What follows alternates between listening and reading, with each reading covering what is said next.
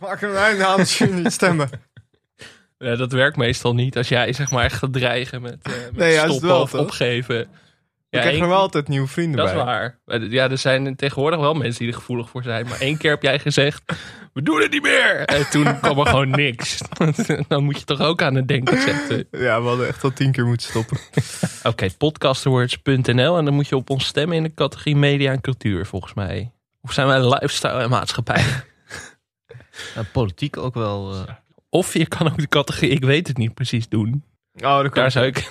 Nee, doe maar media en cultuur, want dan krijg je een paar genomineerden. Daar moet het toch wat tussen kunnen komen. Ja, precies. Wat is onze Als- concurrentie in media en cultuur? Waarschijnlijk een Wie is de Mol podcast. Ja, een van de Waarschijnlijk meerdere wel. 43.000. De AD Media podcast met AD Media podcast. Oeh, Populair. zitten we daar naast Angela de Jong. In het publiek. Toch wel echt de grote drie Als bij we- elkaar. Als we verliezen van Angela de Jong, dan moeten we Ja, misschien toch maar stoppen. Stoppen.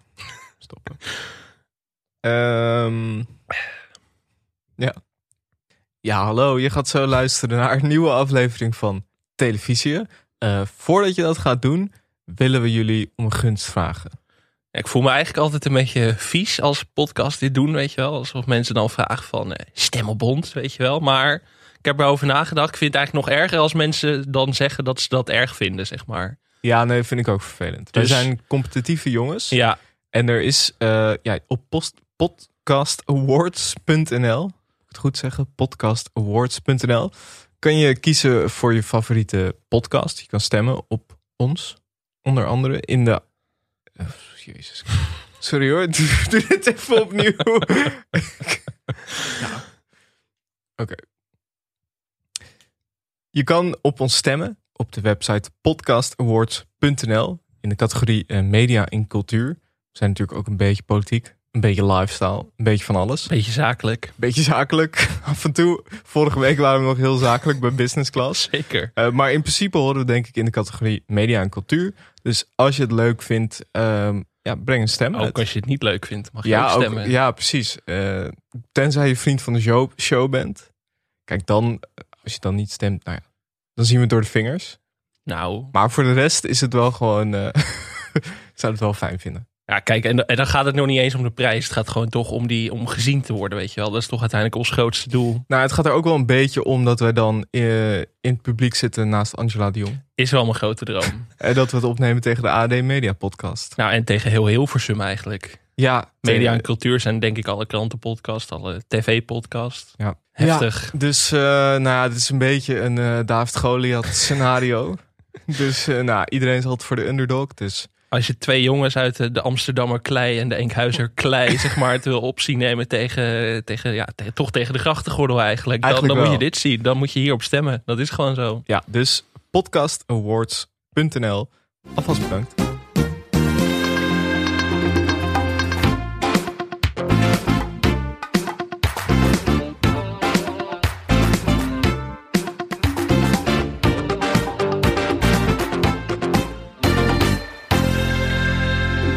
Voorstellen hoe dit klinkt tijdens die podcast wordt, Zo. weet je wel. Hele zaal gek. Dat dreunt dan door zo'n carré. De Kuip, ik weet niet waar het wordt gehouden. Welkom bij Televisie, de podcast over Nederlandse televisieprogramma's. Mijn naam is Michel Dodeman. Tegenover mij in de studio zit Alex Maasreel. Hallo? Ja, Alex, we gaan, eh, nou ja, de luisteraars gaan zo luisteren naar ons gesprek met Arco Gnocchi over voetbaldocumentaires. En in het bijzonder eh, de documentaire Dat Ene Woord over Feyenoord. Het is een zware uitwedstrijd voor mij hier in Amsterdam als Feyenoord supporter vandaag. Ja, maar we zijn toch heel blij dat jij erbij bent. Natuurlijk als ja, Geweten De- van de club. het geweten van de Ja. club. Ja, het geweten van Rotterdam-Zuid. Eh, en natuurlijk ook recensent. Dus het is eigenlijk, is dit voor jou, ja, het voelt dan misschien als een uitwedstrijd. Ja. Maar er is niemand in Nederland die geschikter is om hierover te praten. Eh, wat een eer om, eh, om dat te horen. Maar ehm, ja, laten we het eerst over de actualiteit gaan hebben, denk ik. Ja, ja. Eh, kijk, Nederland is nu, het is stil op straat. Iedereen zit te denken. Alex heeft een week lang naar GTST gekeken. Zo. Dagboekje bijgehouden. Ja, ja. Wat heb je allemaal gezien? Nou, ik moest natuurlijk weten wie de brulboeibaby was. Dat, was, dat, was. dat heb ik vorige week aangehaald. Dat zag ik in een nieuwsberichtje op televisie. Ik was getriggerd. Moet ik weer even een bekentenis doen. Eh, er is veel gezegd over mijn jeugd. Hoe leuk die eigenlijk was. aangezien ik eh, vooral keek naar sitcoms, Baantje en Basje en Adriaan. En dat was het eigenlijk. Maar ik keek ook best wel veel naar goede tijden, slechte tijden. Dat Ja? was- ja, best wel. Dat stond gewoon altijd aan, weet je wel. Acht uur stond gewoon altijd aan in huis. En dan ga je toch kijken. Je wilt toch weten wat Ludo nou weer voor sluwe streken in zijn mars heeft. Maar ik ben toen een keer, ik ben toen ergens gestopt volgens mij met kijken. Toen, toen ome Willem, die had een gastrol. En die bleek ineens... De ome Willem. De ome Willem. En die bleek een, hele klootzak in die serie en Oh, zo. nee. Toen dacht ik, nee, dit, dit gaat me te ver. Dit kun, je, dit kun je me niet aandoen. Dus ben ik gestopt met kijken. Maar toen zag ik dit nieuwsbericht. Toen dacht ik, ja, dit, dit is het moment om weer in te stappen. De Broboy Baby, dat is eigenlijk mijn, mijn, ja, mijn terugkeer naar het GTST-universum. En het is natuurlijk ook wel ja, jouw grote vriend, eh, onze grote vriend, Johnny Krijkamp junior zit er ook weer in. Moeten we het zo echt over hebben? Want Ja. eh, televisie en GTST, het is eigenlijk een gedeeld universum. Maar, maar daar kom ik zo op terug. Ik begon met kijken. Dan hoop je natuurlijk, weet je wel, je krijgt dan eerst het voorafstukje. Wat vooraf ging in goede tijden, slechte tijden. Nou, dan zit je er helemaal in. Snap je alsnog geen reet van wat er gebeurt, maar toch leuk. En dan is dat klaar en dan, dan hoop je natuurlijk hierop. Goede tijden, slechte tijden, een dag die als een nacht verschijnt.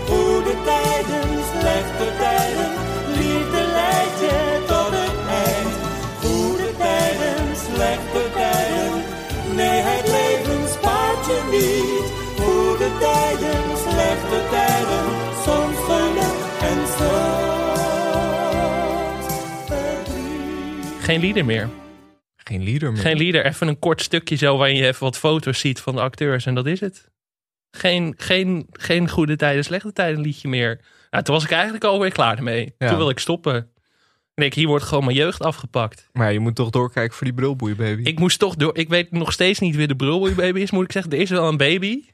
De achterkleindochter inderdaad van Johnny Kraaikamp in de serie. Achterkleindochter. Volgens mij wel. Er zitten drie generaties tussen. Ja, het personage van Johnny Kraaikamp is opa in de serie, maar de baby is er nu pas bijgekomen. Dus volgens mij, wat ik ervan begreep, was dat, dat hij nu zeg maar, dat het een generatie verder is. Want Overgroot. zijn kleindochter was ook pas 15 toen ze die baby kreeg. Dat was een hele heftige, controversiële verhaallijn in het Oh. GTST-universum. De kraaikampjes later geen gras over groeien. Zeker niet. Maar ehm, ja, nee, toch, toch weer thuiskomen. Ik moet het zeggen, ik herkende nog een stuk of vijf personages. De Mhm. rest was allemaal verjongd of vernieuwd. Ik moet zeggen dat eh, dat, dat even schrikken was. Cas Jansen is ook weer terug, toch? Cas Jans is terug. Ja, wat me dus vooral opviel, heel veel televisiegrootheden. Hmm. Echt eh, alleen maar Steve Kuipers winnaars. Of potentiële Steve Kuipers winnaars. Ik telde onder meer Johnny Krijkamp dus. Onze, Uiteraard. onze held, onze nou Patron. ja, onze patron inderdaad. Cas Jansen, je noemde hem al. Eh Cas Jansen uit Lek. En eh All-Stars. All-Stars inderdaad. Grote speler ooit. Maar ja, die zit nu ook gewoon in Meerdijk. Terug op het oude nest. Lone van Roosendaal, door ons Ja, ja, ja. eh, aangehaald in de iconische voetbalvrouwen aflevering. Die speelt eh, Billy de Palma. Goeie naam, goeie naam. Eh, Joep Sertons, die we kunnen kennen uit Kees Co. Als, Ja. de, als de man van Sonja. Zou jij nog één keer kunnen vertellen hoe Ben in Kees en Co overleden is? Ja, nou ja, Joep Sertons zit er dus ook in. En dat je denkt van, wat fijn, dit is gewoon een soort opvanghuis voor televisiesterren. En natuurlijk Ludo en Ludo. Janine. Ja, maar Erik de Vogel en Caroline de Bruin zijn daar nog wel boven verheven. Dat is gewoon een televisie-eiland op zich. Maar die zijn eigenlijk ook wel een beetje GTST, toch? Ja, zij, zij, zij hadden ook veruit de meeste screentime in de week die ik gezien Hmm. heb. Ehm, er was letterlijk een lijk in de kast bij Ludo's bedrijf. Nou ja, je weet, Ludo, sluwe Ludo moet dat gaan oplossen. Maar ja, Mhm. Ludo zit nu de hele week al met een lijk in zijn auto. Weet niet waar die heen moet. En de cliffhanger aan het eind van de week was dat de vrouw van het lijk op de stoep stond bij Ludo en Janine. Dus dat wil Oh. zeggen, ik moet doorkijken. Ja, Ik kan, ik, kan, ik kan er niet omheen. volgende week weer een update. Misschien, misschien wel. Ik weet niet hoe dit blokje valt bij de mensen. Ik weet niet hoeveel GTST-fans wij onder ons eh publiekscharen hebben. Maar eh, poeh, ik zat wel te denken, misschien vindt dit, verdient dit wel een keer een eigen aflevering hoor. Want als je Ja. de Wikipedia-pagina, nou daar heb je gewoon, moet je drie dagen vrij voor nemen. Ja, dat is wel een beetje het ding.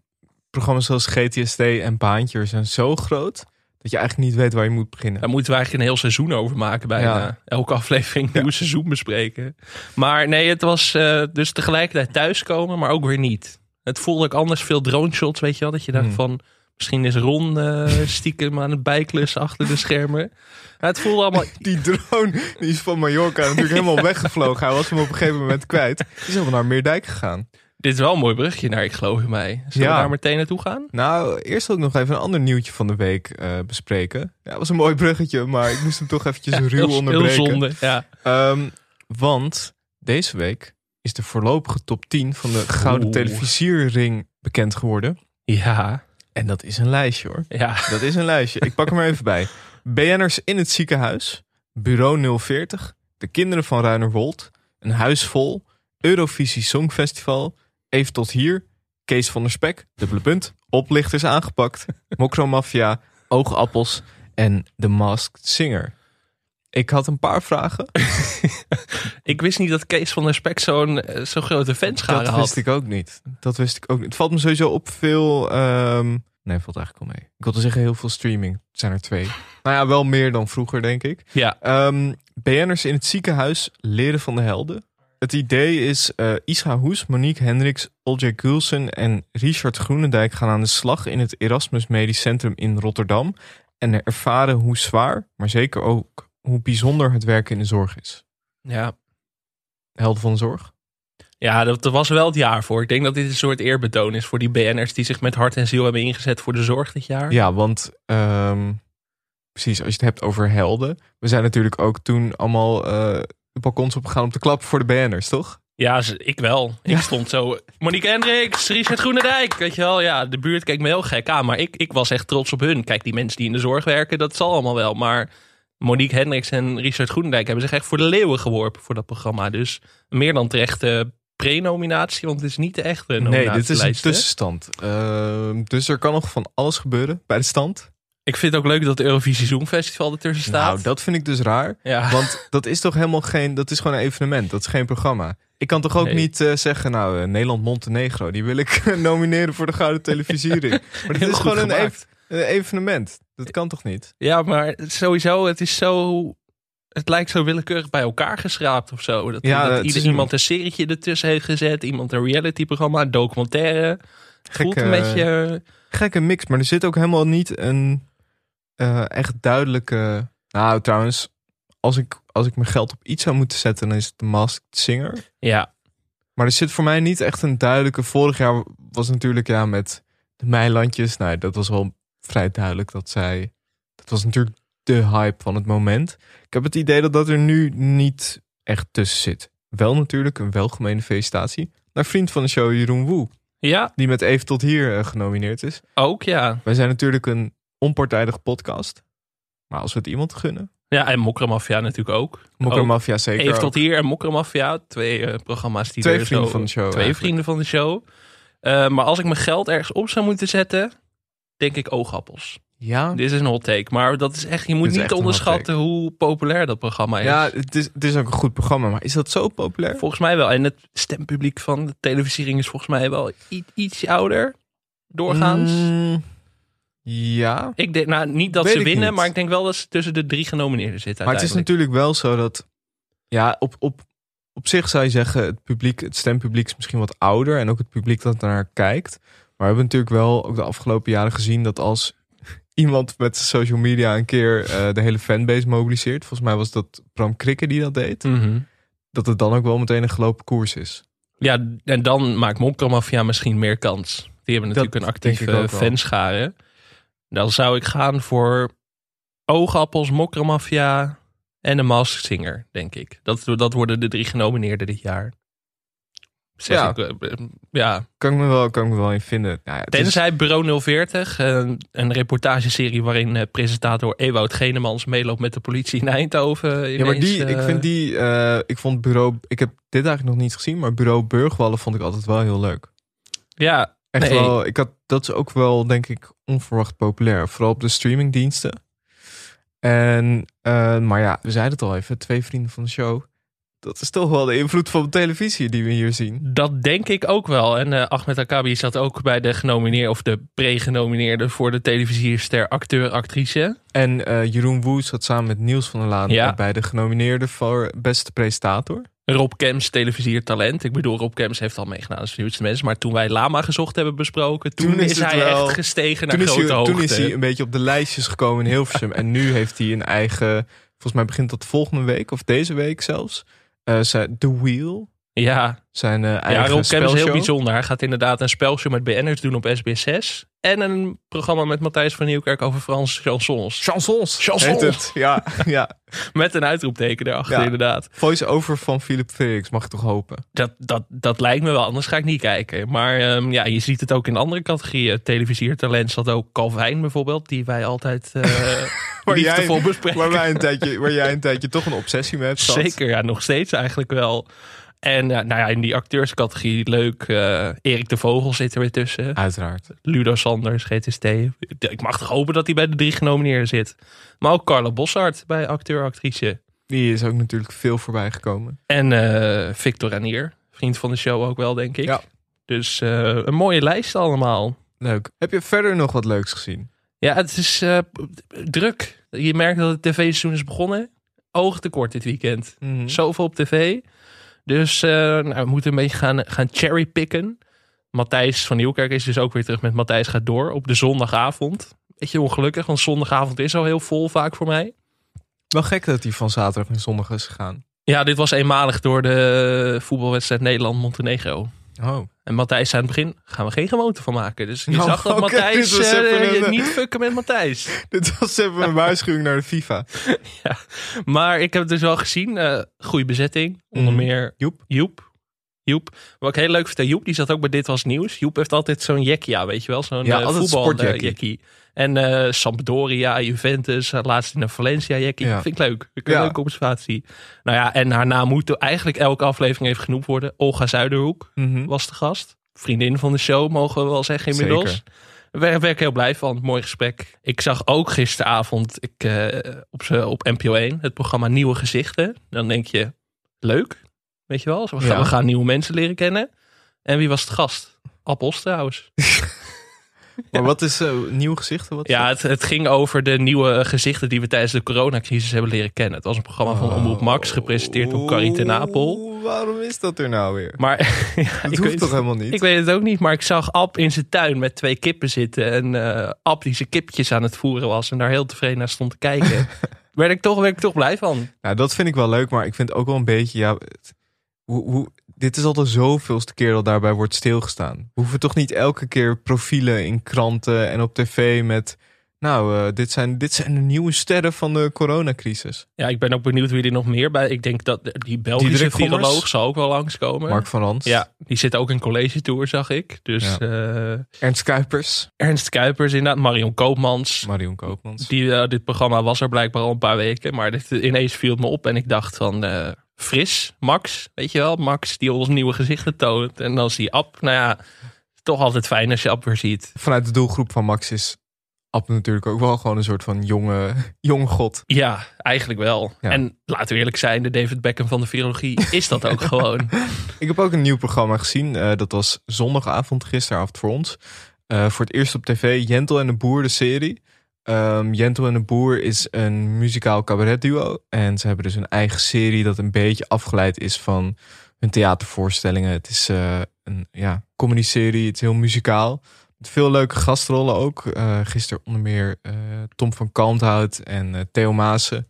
En beviel heel goed ja? eerste aflevering van een comedy-serie is altijd moeilijk.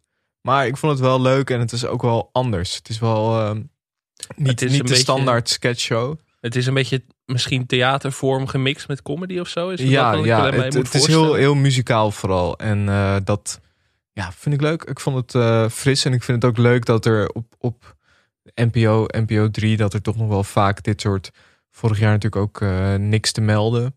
Dat er toch nog wel vaak nieuwe comedy dingen geprobeerd vind, geworden. Nou, dan ga ik het terugkijken. Ik ik kwam er niet aan toe. Want ik, ja, moet, Bom, ja, bomvolle week. ja, we moeten het even kort hebben. Nou, eigenlijk niet, want Galit en Sofie zijn begonnen. Ik Ja. weet, iedereen, iedereen heeft erover geschreven en eh, zijn, eh, zijn mening. eh, Gaan wij dat niet doen? Geuit deze week. Ja, maar mensen zitten hier wel op te wachten. Die hebben de hele week gewacht van...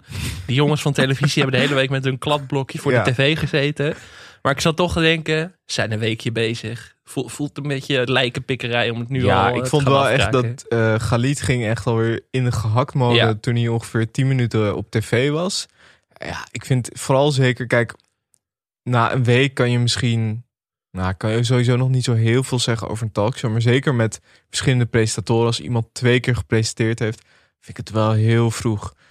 Aan de andere kant kan je zeggen, de heel Holland bakt quiz. Nou, dat komt wel terug in de Eh, is- van TV-jaar 2021. Dat was wel echt, Ja. eh, dat was gewoon een programma op zich eigenlijk. Ja, dat was, eh, dat was vreemd. Maar ik heb wel een paar tips voor de, voor de makers nog. Oké. Ehm, misschien toch een tafelheer of tafeldame erbij. Ja. Dat, dat voegt toch wat toe. En ik denk misschien dat je dan op woensdag bijvoorbeeld Nico Dijkshoorn een gedichtje laat doen. Ja. Eh, Dolf Jansen af en toe laat breken. Eh beentje erbij. Mhm. Helpt altijd. Eén minuut? Eén minuut. Misschien, misschien anderhalf. Anders om, om het een beetje breder te trekken. En anders eh, misschien een derde presentator erbij. Type Matthijs. Leuk. Zou zomaar kunnen. Fris. Ja. Ik vind wel dat ze ook een beetje, mist een beetje schoen. Schoen. Joie de vivre. Een beetje vivre. een beetje chansons uitroepteken. Dat Ja. mist het wel een beetje, toch? Ja, dat, dat vind ik ook. Maar dat, eh, dat moet komen. Weet je, ik, ik, ik las al, er waren tv-recensenten Seedent. Heb ik deze week al gelezen. Ja, ja. Zover wil ik nog niet gaan. Dus we moeten eigenlijk over een paar weken weer... Dan komen wij met de recensie, zeg maar. Ja. Nu is het allemaal, iedereen is aan het warmlopen totdat wij straks komen. Wat ik wel heel wonderlijk vond, is ik zat vrijdag te kijken. En toen was het wel een soort van... Het voelde een beetje als de programmapresentatie van de NPO. Omdat zeg maar allemaal... Er werden allemaal previews van programma's gegeven. En eh, we gaan het niet de hele tijd hebben over urgentie. Maar ik dacht wel van... Ik zie nog niet helemaal in hoe dit nou zo erg verschilt van andere talkshows. Nee, dat is ook een beetje het ding. Het is wel, er is op een gegeven moment één format gevonden wat werkt. En dat, dat doen ze nu de hele tijd. Maar van Ja. zo een paar gesprekjes van 10 minuten, een paar filmpjes tussendoor, een moment van de week aan het begin. En een leuke afsluiter of zo. Mhm. Maar je kan het ook gewoon helemaal anders doen. Dat je gewoon een keer begint met, eh, met een carnavalskraker. En dan aan het eind van de aflevering over Afghanistan gaan praten. Meer René Eh, Vroger? Meer, sowieso. Misschien een soort minuutje van René Vroger. Dat lijkt me wel leuk. Ik zag dat René ook weer het gast is in die, in die spelshow van Rob Kemps. Ja, Dus ja. In die zin. ja. René haalt zijn quote wel weer eh, deze week. Verder hebben wij natuurlijk gekeken naar de laatste aflevering van Ik Geloof in Mij. Tenminste, de laatste van dit seizoen. ja, Was weer echt heel goed. Het was, eh, het was smullen. We werkten eigenlijk al het hele seizoen toe naar, naar de grote confrontatie tussen René en de rest eigenlijk. Dat is Mhm. waar het hele seizoen naar opbouwde. En eh, nou ja, we gingen het meemaken. De, de veten tussen de artiesten. En daar bouwde deze aflevering ook heel erg naar op. Want we zien René van Eindhoven naar Spanje vliegen. René maakte nog een grapje. Als we met Transavia Ja. gaan, kan ik mezelf besturen. We hebben het natuurlijk eerder met die Flight Simulator zien, eh, zien klooien. Jolan niet mee. Jolan niet mee. Ook- ik ook een beetje. Jolan had een te kleine rol dit seizoen. Mhm. Te weinig van gezien. Ja. René zat er al niet zo vaak in. Jolan was helemaal in de achtergrond verdreven. Dat kan natuurlijk niet. Aandachtspuntje voor volgend seizoen. Wat ik ook heel mooi vond. Er werd natuurlijk, het, wat ik zei, er werd heel erg naar opgebouwd. Hè. Dus je kreeg een paar artiesten die geïnterviewd werden terwijl ze in bed lagen. Dus je had Rutger die nog half onder de Ja, dekens die was lag. echt slaapdronken. Sowieso eh, heb ik heel veel lichaam van Rutger gezien. Ja. Zeg maar, elk shot had hij geen shirt aan. Ik weet niet precies wat daar de gedachte achter was. Maar ja, het gebeurde gewoon. Ja, en inderdaad later Dario die nog eh, een beetje zijn... eh, ja, die, die zat er nog lekker in. Die klonk echt heel erg zo. Die klonk weer een beetje als in dat bubbelbad. En eh, ze hadden blijkbaar een parodie op Invite gedaan voor Smaat. Dat kon echt niet. Nee. Moet even een fragmentje misschien laten horen daarvan. De artiesten hebben gisteravond hun teleurstelling over het artikel bijna helemaal van zich afgezongen. We hebben gisteren een eigen parodie gemaakt op eh If I Tell You. Dat was wel even grappig. Ik weet niet precies wat er gezegd was. Daar ben ik heel eerlijk in. Maar ik denk als we het terugzien, dat we misschien hoeveel dekens hebben we gezongen. Er is één man in onze serie die denkt, Nee, die helaas niet bij ons is. die helaas, ik mag niet liegen, die helaas niet bij ons is, maar speciaal voor René. Let op.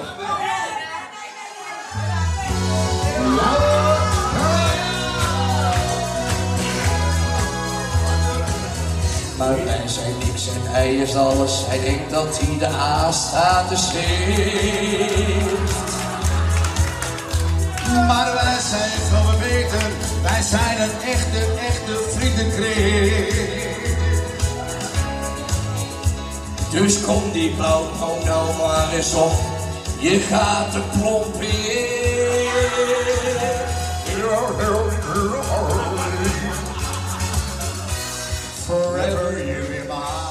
Deed me heel erg denken aan die film The Hangover. Ja. Dat ze af en toe dan terugdenken aan wat ze de avond ervoor hebben gedaan. Dit was een beetje de tijger van Mike Tyson, Ja. eh, dat idee.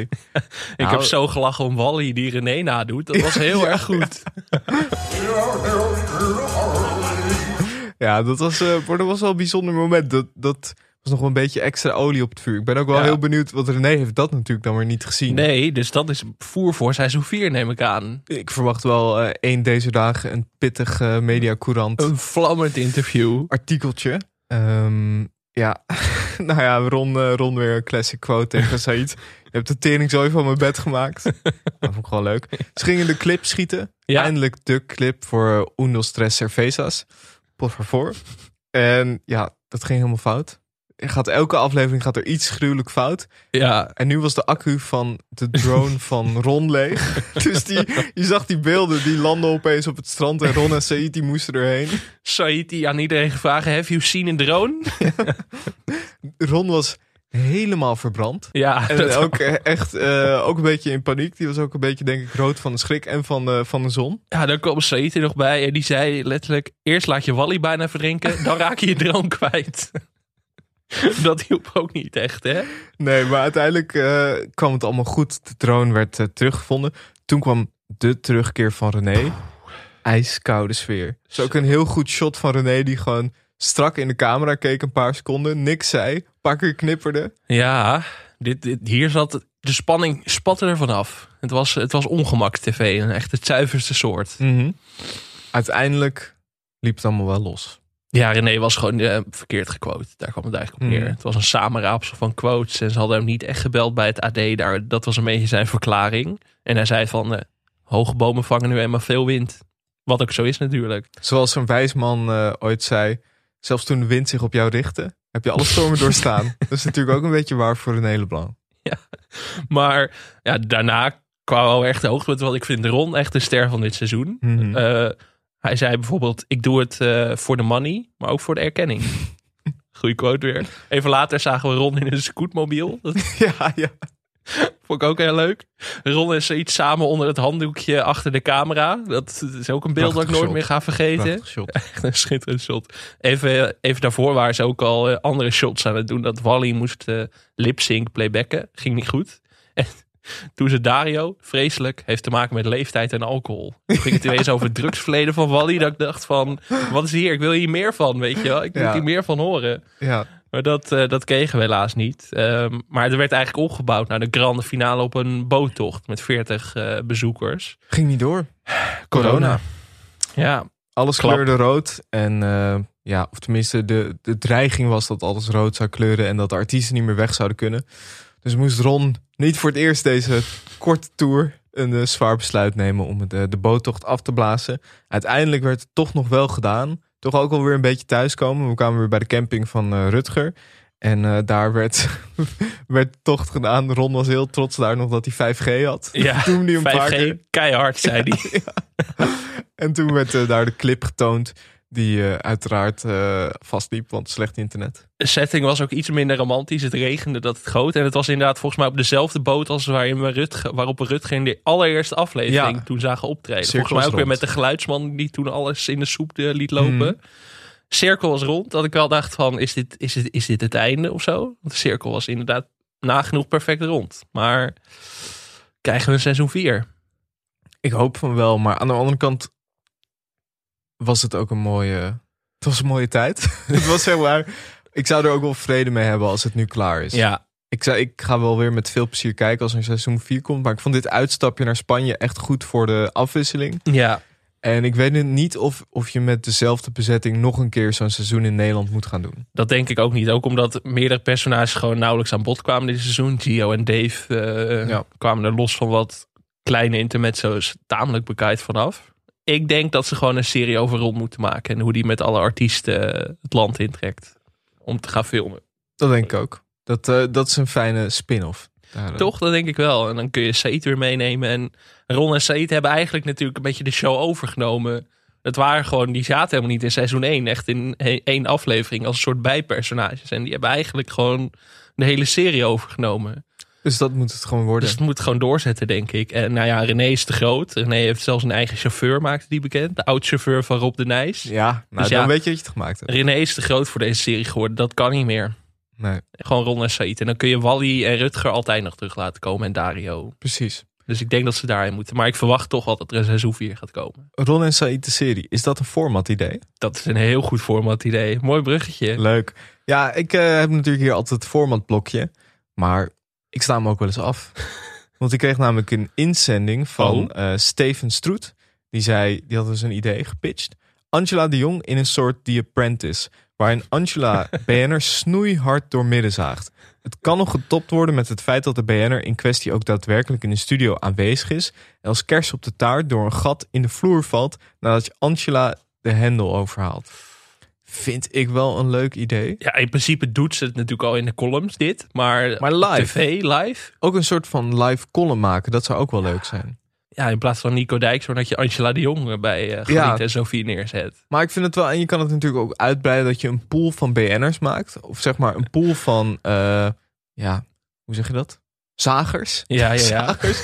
Gewoon een Maarten van Rossum, een. Angela de Jong. Dat je echt een leuk poeltje maakt van een stuk of vijf. Elke dag kom- komen er dan een paar BN'ers langs.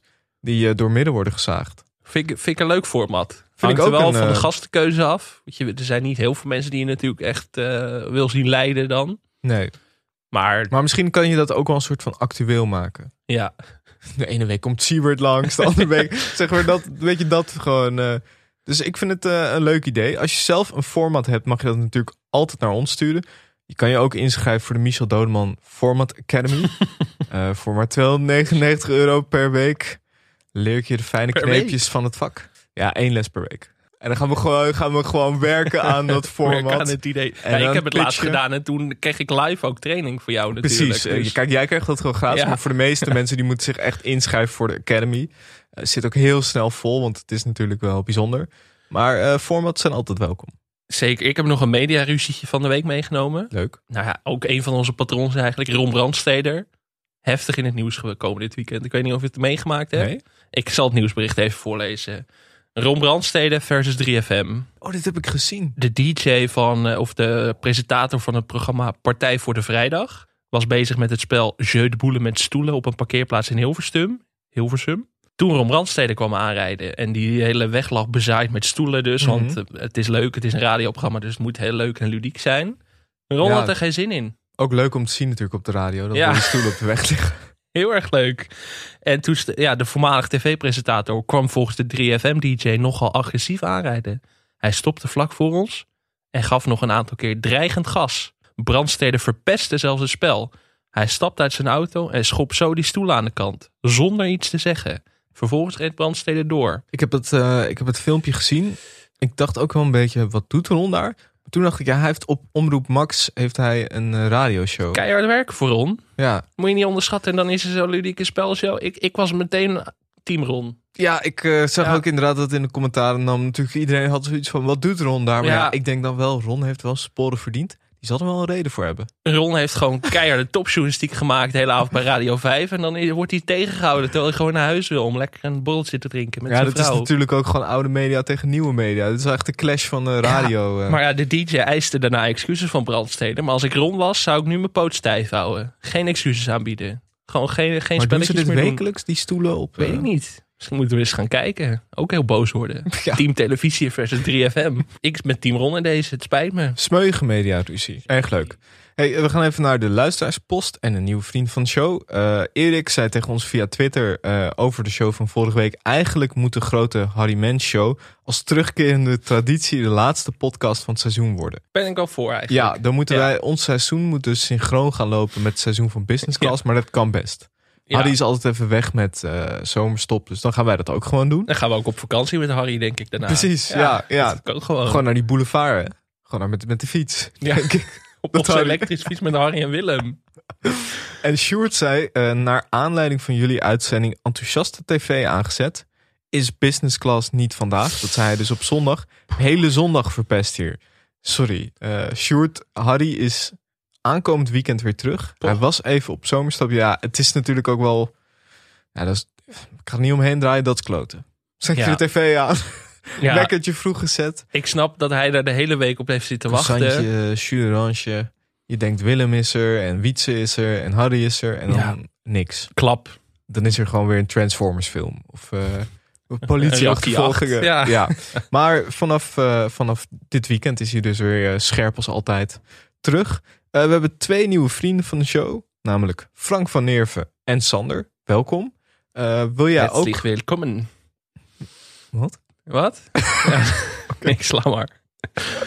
Leuk. Kort een beetje melig, maar eh, nee, welkom. Wil jij ook vriend van de show worden? Ga dan naar vriendvandeshow.nl slash televisiepodcast. En wees erbij als wij filmien gaan maken. Uh, nog, pa- nog heel even geduld. Ja. Ja. We zijn er druk mee bezig achter de schermen. Ja, het wordt allemaal nog gebouwd. Ga je kijken naar de wheel met erop cams? Zal ik me nog afvragen volgende week? Tuurlijk. Wel hè? Ja. Komt wel weer veel goede tv aan. Ik zag ook mijn Boomerhart maakte weer een sprongetje. Ik zag dat Omroep Max met een nieuwe serie komt.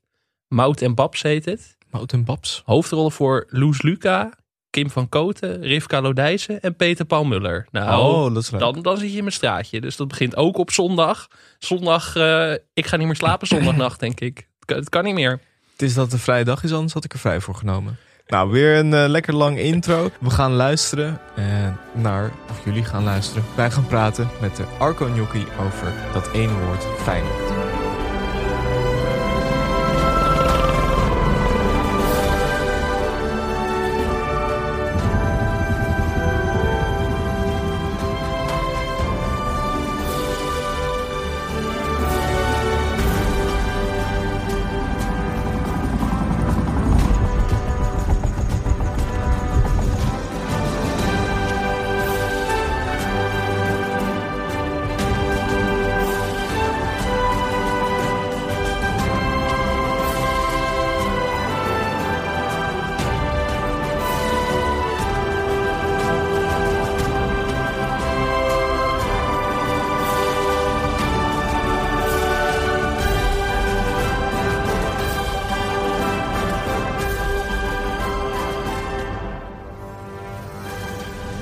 Tegenover mij zit een podcast-host, voormalig Hilversum Corrivé en de hoofdredacteur van Dag en Nacht Media. Hij werkte bij AT5, 3FM en BNN, waar hij redacteur was bij 3 op Reis en later programmaontwikkelaar werd. Ook stond hij aan de wieg van NOS Stories. Was hij in een vorig leven panellid bij het tv-programma 24-7. en is hij groot liefhebber en kenner van voetbaldocumentaires. Welkom Arco Gnocchi. Dankjewel, wat een aankondiging. Voelt, ben- het, voelt het heel erg als een eh, vorig leven? Ja, als je 41 bent, heb je heel veel vorige levens inmiddels. Eh, ja, ik- maar ja, vorig leven, ik ben pas eh, drie maanden weg van het Mediapark. Maar het, het voelt, mentaal is het heel ver weg. Ja, en ja, het, het- jij kondigde al het, een van de slechtste programma's die ooit op de Nederlandse televisie is verschenen, 24-7. Ja, daar moeten we misschien nog een andere keer over hebben. Want dat is toch wel een hele bijzondere reis geweest, inderdaad. Maar eh, hoe bevalt het als eh, hoofdredacteur bij Dag en Nacht? Ja, geweldig. Ik mag de hele dag met podcast bezig zijn. En eh, met mensen die die podcast graag willen maken. Dat heeft me wel gechoqueerd hoeveel mensen per dag zich melden met een podcast idee. Want als programmaontwikkelaar bij de tv krijg je dat natuurlijk ook. Dat mensen een tv-idee hebben. Maar dat zoveel mensen zoveel podcast willen maken had ik niet verwacht. Maar jij bent binnen dag en nacht nu eigenlijk een soort van netmanager. Die dan zegt van, we gaan, we gaan tweaken. We gaan, dit, eh, we gaan hier eh, acht vergaderingen over beleggen. En dan, eh, dan, dan wordt het een goed programma. Dat is nu eh, jouw dat- rol. Dat is natuurlijk het interessante. Kijk, ik kom inderdaad uit de structuur van de NPO, waar je een netmanager hebt en een zendercoördinator en een eh, eh, eh, commissioning editor en een hoofdredacteur en een producer. En eigenlijk heb ik elk uur wel een andere pet op. Dus dat is wel grappig. En af te denken van, oh ja, hier moet ik ook wat zinnigs over zeggen. Van, oh ja, dat is, zou ik eigenlijk ook gewoon nu kunnen doen. Maar het gevaar is dat je alles een beetje gaat doen. Ja, ik de podcast boterham met heel weinig beleg ga lopen insmeren. Maar ja, je weet, je weet natuurlijk wel binnen dag en nacht. Je hebt het pas echt, zeg maar, je, bent, je komt hoger in de hiërarchie als je bij televisie te gast bent geweest. Ja, natuurlijk wel- Rite of passage. ja, dat is eigenlijk alles wat je moet doen om zeg maar status te vergaren binnen dit bedrijf. Zijn, volgens zijn mij. Tim en Anno al aangeschoven? Tim nog niet. Ah, Dus kijk. Tim is geen echt Oh. eigenlijk. Daar komt het op goed, neer.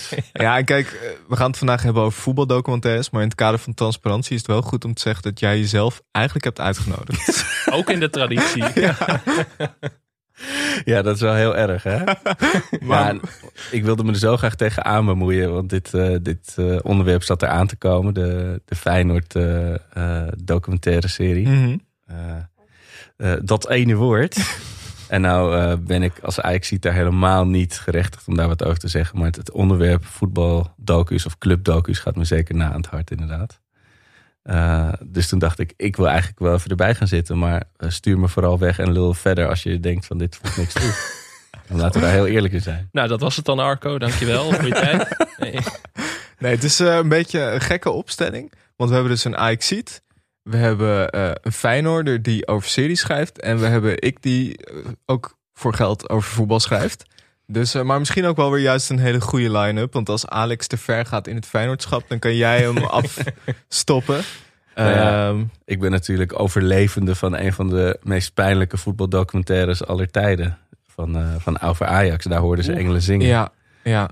Dat, is echt wel, eh, dat was echt eh, zwijgend naar huis fietsen na de bioscoop eh, première. Dat was echt verschrikkelijk. Maar je, je hebt hem toen in de bioscoop. Was dat echt met een zaal vol ajax Ja, dat was echt nog in de sfeer van, nou, nu gaan we onze club vieren met een prachtig do- tijdsdocument. En, je- was het, en het was echt op het aller, aller zwartste punt van de, nu terugkijkend, qua clubgevoel van de, van de club. naar dat grote, zieloze stadion verhuisd. Eh, club veel te snel gegroeid. Wist allemaal, niemand wist waar die mee bezig was. Dus zo kwam het allemaal over in de documentaire. Dat was echt heel pijnlijk om te zien. Ja. Ja, 1999 was dat geloof ik. Hè? Ja, of hij kwam uit in 2000. Het was ook Ajax, die had net die wedstrijd, ook het jubileumwedstrijd in het oude tenue tegen Twente gespeeld. Ja. Jan Wouters als coach. en ik weet nog dat er, pre- eh, er waren demonstraties in Utrecht en in Rotterdam. Dat bioscopen de, de film niet mochten uitzenden. Want ja, mensen hadden geen zin in Ajax-propaganda in hun stad. Eh, maar achteraf hadden ze, hadden ze een soort parade moeten houden voor die, voor die docu. Want als er één. Ik denk dat er mensen actief geen Ajax-fan zijn geworden. na het zien van die docu. of hun lidmaatschap zelfs hebben opgezegd. Ja, we gaan het straks nog even hebben over andere eh, voetbaldocumentaires en onze eigen favorieten. En eh, wat, wat een documentaire over voetbal nou goed maakt of juist slecht. Vandaag gaan we het hebben over dat ene woord Feyenoord. Het is een Nederlandse documentaire serie van streamingdienst Disney+. Plus. Hierin wordt voetbalclub Feyenoord gevolgd gedurende het seizoen 2020-2021. De eerste aflevering kwam vorige week uit op eh, 1 september. En die gaan we vandaag bespreken. Ja, eh, de eerste aflevering heet Hoop. Alex, we gaan, we gaan er sowieso eventjes eh, doorheen lopen. Maar dat is niet per se waar ik aan denk bij Feyenoord. Niet? Valse hoop. Of juist wel. Juist wel. hoe Vooral Augustus Hoop. Eigenlijk Ja, is wel. Feyenoord, als je Feyenoord in één woord kunt samenvatten, is het Augustus Hoop. Ja, Denk ik. Is dat één woord? Ja, dat Is moeten dat we er even woord? van maken. Maar, dus dat is van ene woord, ja. maar ik heb bij Feyenoord altijd het idee... hoe langer ze niet spelen... hoe, hoe groter de kansen weer worden. Want het is, Mm. in de winterstop heb je ook vaak nog een op, opleving. Van, nou, Ja. nu komt er gaan toch een jagen. eindsprint. Ja. Ja. Ja. Nou, in die zin misschien ook wel echt het perfecte moment om ermee te beginnen. Want dit was natuurlijk eh, ja, na de corona-periode, of tenminste na de periode dat de Eredivisie precies een half jaar ongeveer stil heeft gelegen. En ja, we krijgen eerst eigenlijk een soort introductie van de club. Dat is natuurlijk een beetje gek aan deze documentaire. Ja. Dat wij kijken ernaar als Nederlanders. Maar hij is vooral ook gemaakt voor een internationaal publiek. En om Feyenoord internationaal op de eh, kaart te zetten. Ehm, dus we horen eigenlijk een voice-over die wat uitlegt over de club. Je ziet een paar mastodonten eh, voorbij komen. Pierre van Hooydonk, eh, Dirk Kuyt, Ja, uiteraard. Het was echt precies zeg maar wat je zou verwachten. Van Hanegem natuurlijk ook nog. En, maar ja, voor, voor het buitenland klopt dat dan weer wel. En ik vond het wel een gemiste kans dat de voice-over niet wat Rotterdamser was. ja. Dus ingesproken door Winnen. Ik dacht, ja, kan, had dit niet door Martin van Waardenberg eh, gemoeten? Ja, dat is, wel, dat is wel een mooie keuze inderdaad. Dan zet je veel meer die lokale, lo- lokale sfeer neer inderdaad. Maar ze gingen natuurlijk zeker met die opening voor iets heel filmisch. Mhm. En eh de jongens die het gefilmd hebben zijn, zijn ook van de filmacademie. Dat zie je ook aan de beelden af. Weet Ja. wel. Dat is bijna een ITVA-docu aan het begin. Ja. Eh, maar de- wat deed, deed het wat met jou, Alex?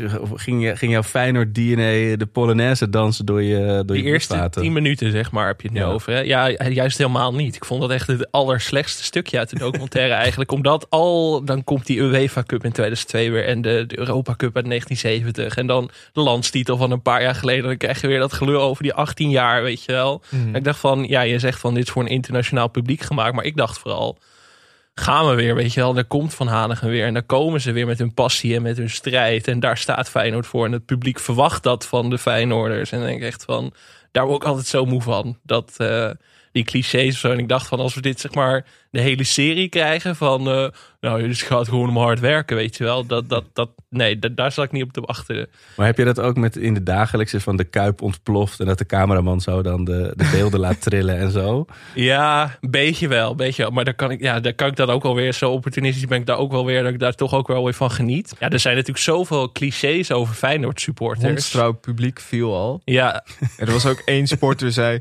Ja, Rotterdam is een stad, daar verkopen ze een overhemd. Dan zijn de mouwen al opgestroopt. Ja, ja, ja, ja, ja, Ah, daar was ja, over ja. nagedacht. ja, maar daar word ik altijd een beetje, daar krijg ik het heel warm van. Dat, Ja. dat probeer ik altijd. Maar durf ik te zeggen dat, dat, dat het eigenlijk meer leek op zo'n Ajax-filmpje, zo'n gelikt Ajax-filmpje voor de Champions League bijvoorbeeld? Dat het veel meer in die bombastische eh, ja, Mercedes eh, ehm, eh, autoverkoopsfeer zit dan... Ja, het was heel jij- snel geknipt ook en zo, heel flitsend. En je verwacht iets meer amateurisme gewoon. Ik vond dat het, hangt eh, gewoon een beetje om Feyenoord heen. Dat Van is- een RTV Rijnmond ja, intro. Ja, misschien wel. Dat had ik liever gehad eigenlijk. Dit was eigenlijk te mooi voor de club Feyenoord. Als ik, eh, Ik vond, ik vond dat je de eh, invloed van Sunderland Till I Die heel duidelijk zag. Ja. In het begin wordt echt zo de stad eh, gepositioneerd, de club gepositioneerd. Je, hebt dan, je, ziet een, je ziet een buschauffeur of weet je wel, een taxichauffeur zie je dan altijd. Stadsbeelden, nou een paar supporters. Ik vond dat dat wel heel erg, eh, ja, herkende ik wel heel erg van Sunderland Till I Die. En ik dacht een beetje van, ik snap dat je dat voor een internationaal publiek doet. Maar ik vond het bij Sunderland Till I Die was dat ook niet wat ik interessant vond. Volgens mij is zo als je gewoon die wedstrijd laat zien en je laat supporters echt op de tribune zien. En volgens mij krijg je ook als je ehm, de mensen achter de schermen ziet, krijg je ook wel echt een beeld van hoe zo'n club is. Ja, je voelt je misschien als supporter van de club zelf, maar ook als voetballiefhebber niet zo serieus genomen. Omdat het gewoon Nee. zo eh, ja, eh, glimmend is, zo, zo algemeen. Ja, dat, Disney-budget moet ook ergens heen, hè, jongens. Dat, ja. dat leg je dan daar allemaal in die voorkant. Nee, want maar op zich die beelden bijvoorbeeld van Rotterdam, als ze dan over de Maas gaan en zo, dat vond ik wel, dat was, zag er wel echt heel goed uit. Ja, het is sowieso, vind ik het wel echt super mooi gemaakt. Zeker, Het is, visueel eh, was er echt niks mis mee. Maar inderdaad, die eerste tien minuten hing een beetje van clichés aan elkaar. En dan ga je zeg maar langzaam de club in, zeg maar. En dat is toch uiteindelijk waar je, waar je voor kijkt, volgens mij. Mhm. En Ja. Ja, en voetbal gaat natuurlijk heel snel. Hè. Wat ik van een paar Feyenoord supporters heb gehoord, is dat ze eigenlijk ook het seizoen met Dick Advocaat zo snel mogelijk willen vergeten. Ik bedoel, iedereen, je had eigenlijk liever nu een, een eentje met, eh, met Arne Slot gezien dan. Nou, daar zat ik over na te denken. Ik vind dat eigenlijk juist niet of zo. Want nu, nou ja, het is altijd de vraag voor hoe lang. Dit is weer mijn Alex, we zijn net augustus hoop. begonnen, drie wedstrijden. Zeg maar nou dit- niet. het is nu optimistisch, nog eventjes. Ja. We weten niet voor hoe lang, maar er lijkt ook zowaar een keer een plan te zijn. Dat heb ik, ik, ik, ik als Feyenoorder nooit meegemaakt in ieder geval, dat er een plan was. Ook niet Ehm, Tim de Cler en Kevin Hofland en die allemaal goed gehaald werden. Glausio, Fijn- Leonardo 2. Ja, nee, ik ben opgegroeid met eh, Philippe Leonard en dat soort. eh, en hoe heet die Ja. ook weer? Colin, Pieter Colin en dat Oh soort ja. spelers. Oei. Dus eh, Darley, keeper. Darley, ja, oh, Darley. die was wel heel goed. Nou ja, je ziet dus ook bijvoorbeeld na 10 minuten is er al een fragment dat je de directeur met de hele jeugdopleiding in gesprek ziet. En die zegt van, eh, er is geen visie en er is geen plan. Wat is onze voetbalvisie? Vraagt hij dan aan het publiek. Hmm. En blijft gewoon een minuut stil. Vond ik vrij tekenend. Het was echt zo'n schoolklasje. Ja, Echt dat niemand antwoord wil geven. En, dan, en daar, daar, daar sprongen de columns ook als, als paddenstoelen in een Ja, herfstbos ja. over omhoog. En eh, ja, ik zal nog even één keer dus alvast voor, vooruit en terugkijken. Dat zat ook heel erg in die, daar, horen, daar horen we Engelen zingen over Mhm. Ajax. Ja, de- kijk, er is natuurlijk altijd heel veel mystiek rond de kleedkamer en de bestuurskamer dat daar niet gefilmd mag worden. Maar dat, daar, is, daar is ook een reden voor. Namelijk, er wordt niet heel veel interessants gezegd vaak. Ik bedoel, je wil er natuurlijk wel bij zijn als het, als het knettert tussen de aanvoerder en de trainer. Of eh, het liefst zou je erbij willen zijn als de trainer wordt ontslagen in zo'n bestuurskamer. Maar die, dit soort gesprekken, ja, had jij liever het niet geweten dat het er zo aan toe gaat? Ehm, nou, toch eigenlijk wel. Want ik vond dit ook wel schrijnend of zo. Want we hadden het over die voetbalvisie en hoe het was, zeg maar, advocaat versus eh, Arne Slot dan. Zeg maar, ik heb wel zwak voor Dick Advocaat, maar niet als Feyenoord trainer. Misschien dat dat ja. een beetje is. Want Nou, Dick is geen man van visie. En als iets duidelijk wordt uit de documentaire, is wel dat zijn wedstrijdbespreking ook niet verder gaan dan. eh, we hebben vier wedstrijden te gaan tot de Interlandbreek. We moeten punten halen om bij te blijven. Ja, nou, dat, dat is misschien dieper dan je denkt. Maar Ik heb genoten van die trailer. Van, Kom Ja. op nou jongens. Kom Maar op nou. zijn, al zijn wedstrijdbesprekingen zijn, kom op nou jongens. Maar dan ga je Ja. zitten denken van, ja, wat moet je ook anders zeggen eigenlijk? De, dus het is, Het is eh, wel een beetje, kijk, eh, er wordt natuurlijk heel lacherig over gedaan, maar in die Tottenham documentaire zie je de wedstrijdbesprekingen van Harry Kane. Die zijn echt niet van hoger niveau. Nee, kom, kom op, precies. boys. Gaat dat dan gewoon elke keer. Dan zie je iedereen weglopen van oké, ja, is goed. Dus ik vond het wel leuk dat eh, jij zegt van niet echt visie en zo. Eerste talking head van Dickie was ook met eh, we willen altijd winnen. ja. Ja, we willen altijd winnen. Maar ja, jij ik vroeg vond- dat net van dat contrast met nu, zeg maar. eh, Of je liever een documentaire over Arne Slot had gezien.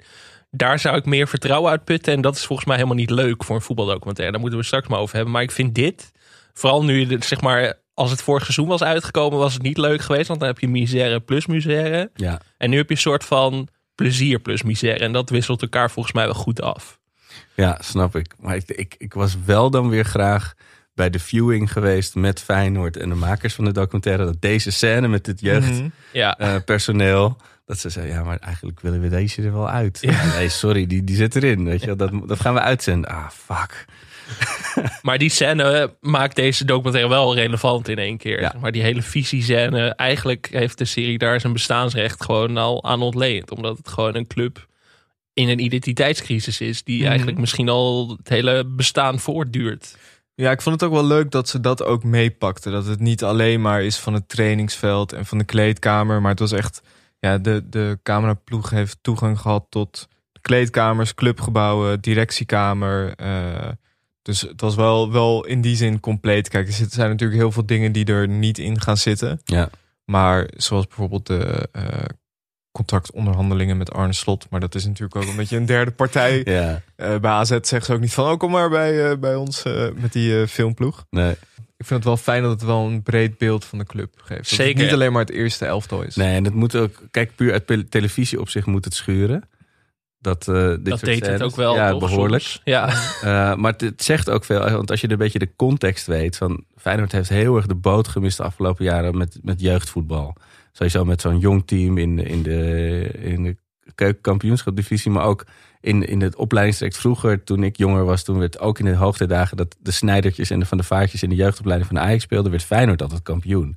Ja, en dat is, op een gegeven moment zijn er ook een paar weggegrapt door Ajax en, en andere clubs. En ja, da- daar is gewoon, zijn zoveel boten gemist. Hmm. Eh, en dat culmineert allemaal in zo'n scène. Dus als je de context weet, is het nog veel pijnlijker en, en beter. ja, maar dat het al bespreekbaar wordt gemaakt, dat stem, dat, daar is die hoop weer, die, die verdomde hoop. Maar dat, dat, dat denk ik toch van oké, ze zijn er in ieder geval een soort van mee bezig, lijkt het nu. Dan moet Ja. je maar afwachten hoe dat eh, gaat uitpakken. Maar Ja, Mark Koevermans leek wel een beetje een soort roepen in de woestijn. Ja.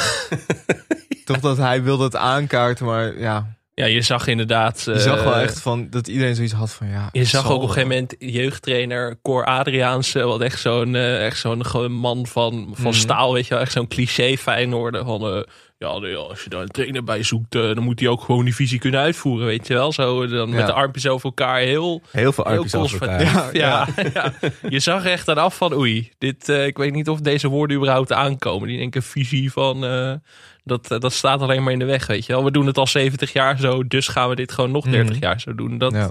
dat straalde daar heel erg vanaf. Dan zien we nog eh Dick Advocaat. Zien we een soort van het, het- de introductie van Dick Advocaat en zijn trainerstaf. En Corpot komt in beeld. En dat ene woord. maar Corpot kan het maar over één ding gaan. ik zou het ook leuk vinden als dat gewoon zijn hele bijdrage. dat hij gewoon één keer in die kleedkamer iets gezegd heeft. Verder zegt hij ook echt niet zoveel. Nee, er zitten twee grote scènes met Corpot in. Deze en even later dat hij eigenlijk verantwoordelijk is voor de komst van Lucas Prato. Dat gaat Ja. eigenlijk via Ja, Corpot. Ja, die hebben we helaas nog niet gezien in deze aflevering. Maar nee, maar eh, ja, ik heb een paar afleveringen inderdaad al gezien. En even later, nou, eh, het is geen spoiler, maar je ziet Corpot dan een paar random wedstrijdbeelden van Lucas Prato kijken. En dat hij zegt, ja, die kan wel wat. en op basis daarvan wordt Lucas Prato gehuurd voor De een half jaar, de de beer. beer. Maar het is ook zo mooi dat er een, dan in die ruimte twee mannen zijn naar wie een podcast zijn genoemd. Corpot en Dick, Dick Advocaat hebben allebei hun eigen voetbalpodcast. Maar het zijn ook wel iconen. En dan heb je John de Wolf er nog bij. Je ziet dat clubje wel. En dan Petrovic ook nog later. Het zijn wel vier ideale hoofdpersonen die eigenlijk allemaal een documentaire bijna zouden verdienen al. Ja, wat ik wel leuk vind, volgens mij hadden ze daar ook in de, de core podcast over. Dat Dick Advocaat dan altijd één iemand meeneemt die zeg maar al het werk doet. En Ja. hier was dat Petrovic dit jaar. Volgens mij was het eerder ook wel eens Fred Grim of zo. Nou ja, daar hoop ik ook nog wel meer van te zien. Want ik vind Petro ook wel een uitstekend personage voor zo'n eh, documentaire. Ja, ze zullen er ook wat scheldwoorden uit hebben moeten knippen, Ja. denk ik, om het eh, eh, alle leeftijden te houden. Nou, ik, ik zal niet verklappen, maar er zit wel wat vuurwerk ook tussen advocaat en Petrovic in de kleedkamer. Dat is wel iets om naar uit te kijken. Maar hierna zien we nog eventjes kort een shot van de materiaalmannen. Eén is ervan overtuigd dat ze kampioen worden. Eh, daarna gaan we inderdaad naar de eerste wedstrijd tegen Pek Zwolle. Eh, Berghuis scoort twee keer. eh, Feyenoord wint. En dan zien we inderdaad Berghuis door eh, Rotterdam. Ik had verwacht dat ze deze scène eruit hadden geknipt eigenlijk wel. Dat het op verzoek, al en niet op verzoek van de entourage van Berghuis zelf was. Maar hij zegt allemaal dingen als eh, je verlaat deze club niet zomaar. En eh, Dit is Ja, mijn en eigen je- stad. ja, En je weet, in, dit, in zo'n geval weet je, als dit erin zit, dan is er dus al heel veel uitgehaald. Hmm. Eh, want was dit was, nog was er niks over geweest. Ja, anders hadden ze dit er wel uitgehaald.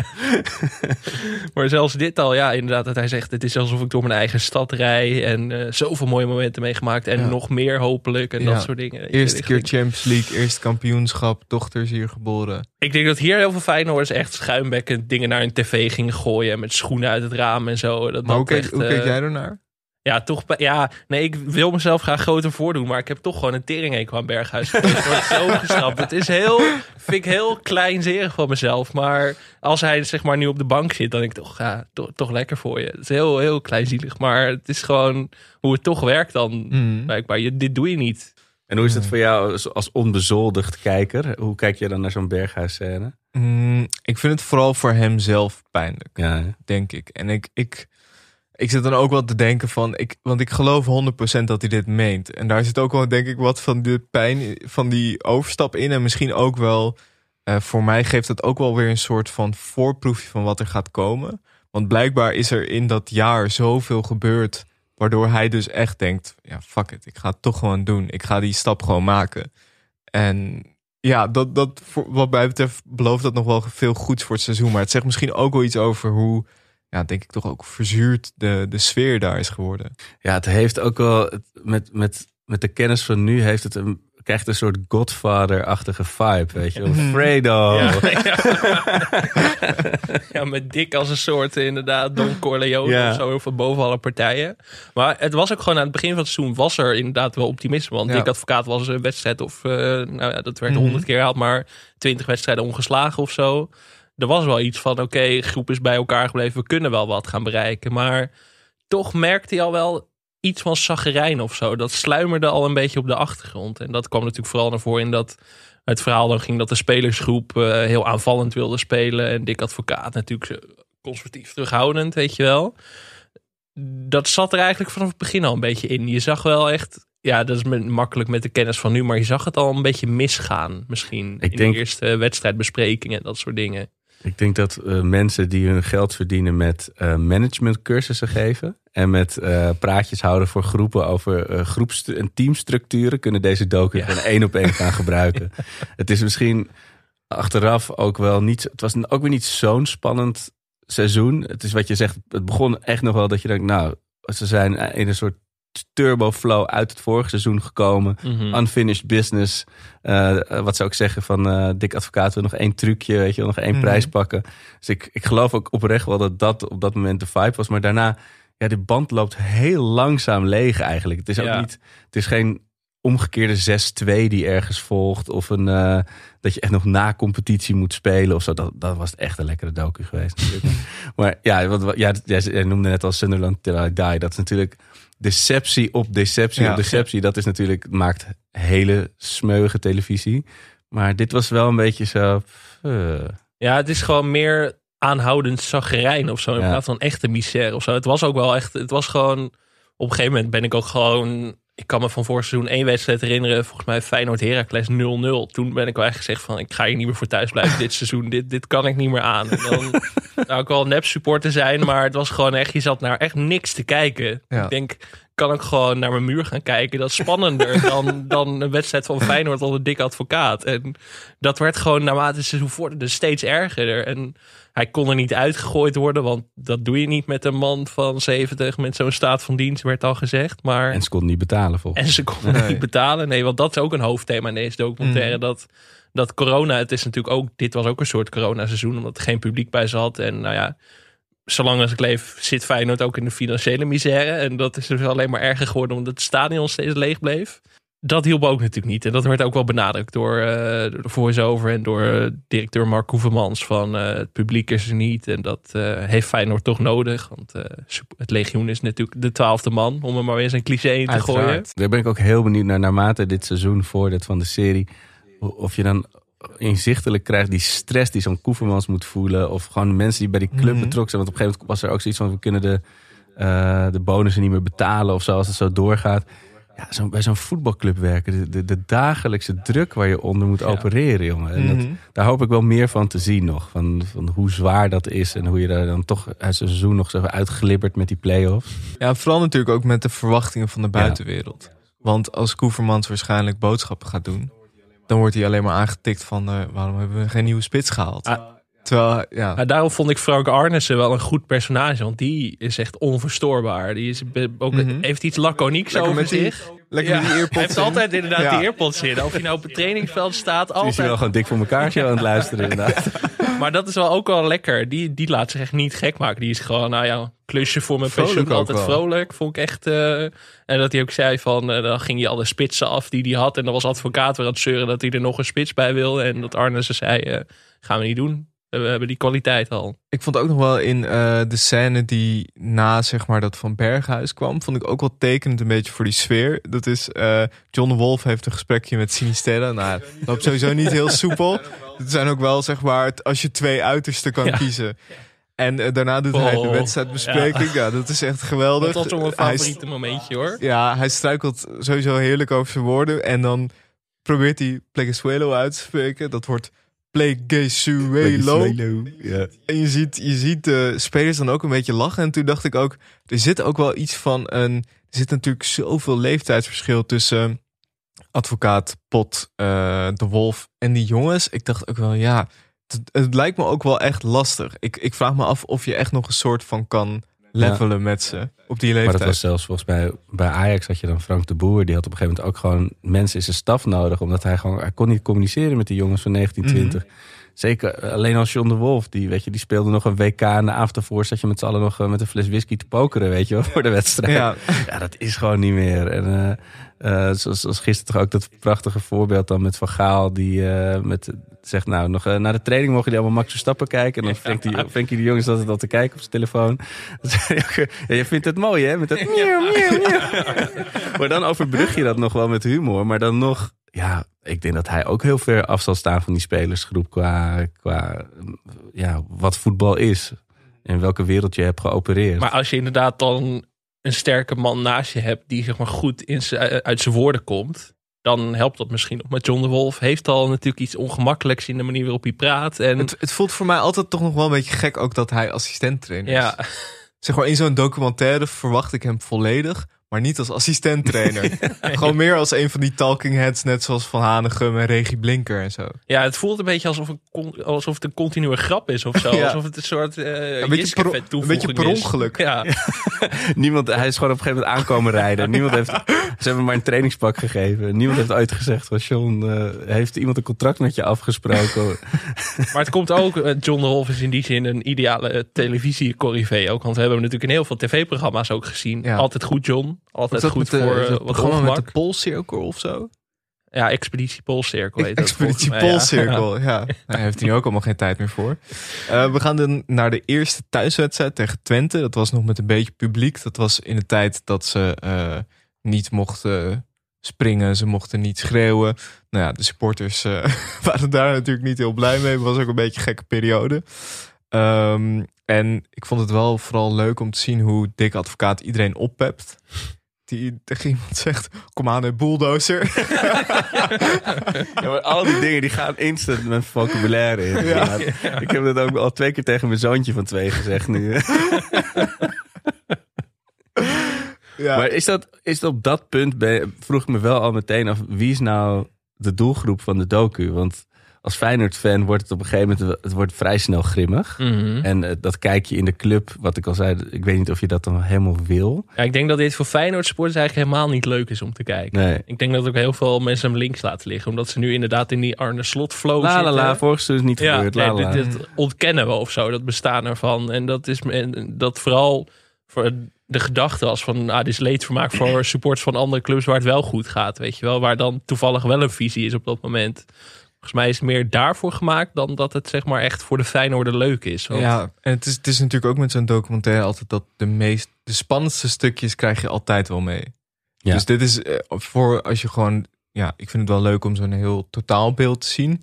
Maar als je inderdaad gewoon lekker in de flow zit en je denkt ik wil alleen de spannendste stukjes, nou, dat kan je allemaal lezen op. eh, Precies, en je ziet natuurlijk ook al die wedstrijden. Die hebben ze natuurlijk ook weer. eh, Je krijgt wel beelden ook van alle wedstrijden van het seizoen Mhm. weer. En dat hoeft van mij ook niet. Zeg maar. Ik hoef niet weer de 1-1 tegen Twente te zien, bij wijze van spreken. Maar dat, dat is altijd zo. Hè. In die, in die voetbaldocumentaire is wel altijd een soort van vaste template. Altijd ja, een, stuk, ja, een introotje van, van de stad en van de situatie. Nou, dan begin je, dan een trainingje, je bouwt op naar de wedstrijd, wedstrijdbeelden, supporters tussendoor. Maar dat maakt het ook wel een hele ontspannen, dus als je er geen aandeel in hebt, een soort slow tv. Ik vind het dus, ik vond dit ook, ook omdat het dan spreekt het juist voor zich dat het zo mooi gedraaid, zo mooi gefilmd is.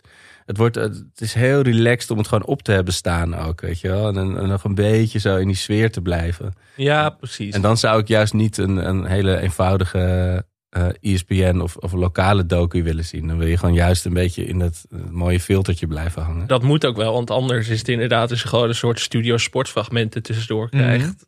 En nou, wat ze dan vaak doen is inderdaad het regionale commentaar. Wat ik altijd een goede keuze Ja. vind. Dat ze wel Ja. Rijnmond doen en niet, Ja. niet E ESPN of NOS inderdaad. Want dat geeft het wel net wat meer emotionele lading. We kunnen veel zeggen van Rijnmond jongens. Maar niet dat ze heel objectief zijn als het Feyenoord aankomt. Luister je dat zelf met wedstrijden? Als het goed gaat, luister ik Oh, ja, wel eens. ja, ja. Dan luister ik het wel eens terug. Het, eh, als ze dan inderdaad 5-0 van eh, een Zweedse derde klasse winnen of zo. Dan ben ik wel, dan ga ik dat heel opportunistisch terug zitten luisteren. Ja, dat is ook heel pijnlijk. Ja. Ja, voor deze wedstrijd hoeft hij het in ieder geval niet terug te luisteren. Want het werd 1-1 tegen Twente. Ja, in de rust zie je ook weer inderdaad weer hoe advocaat iedereen oppekt, eh, oppept. Beetje scherper, beetje overtuiging.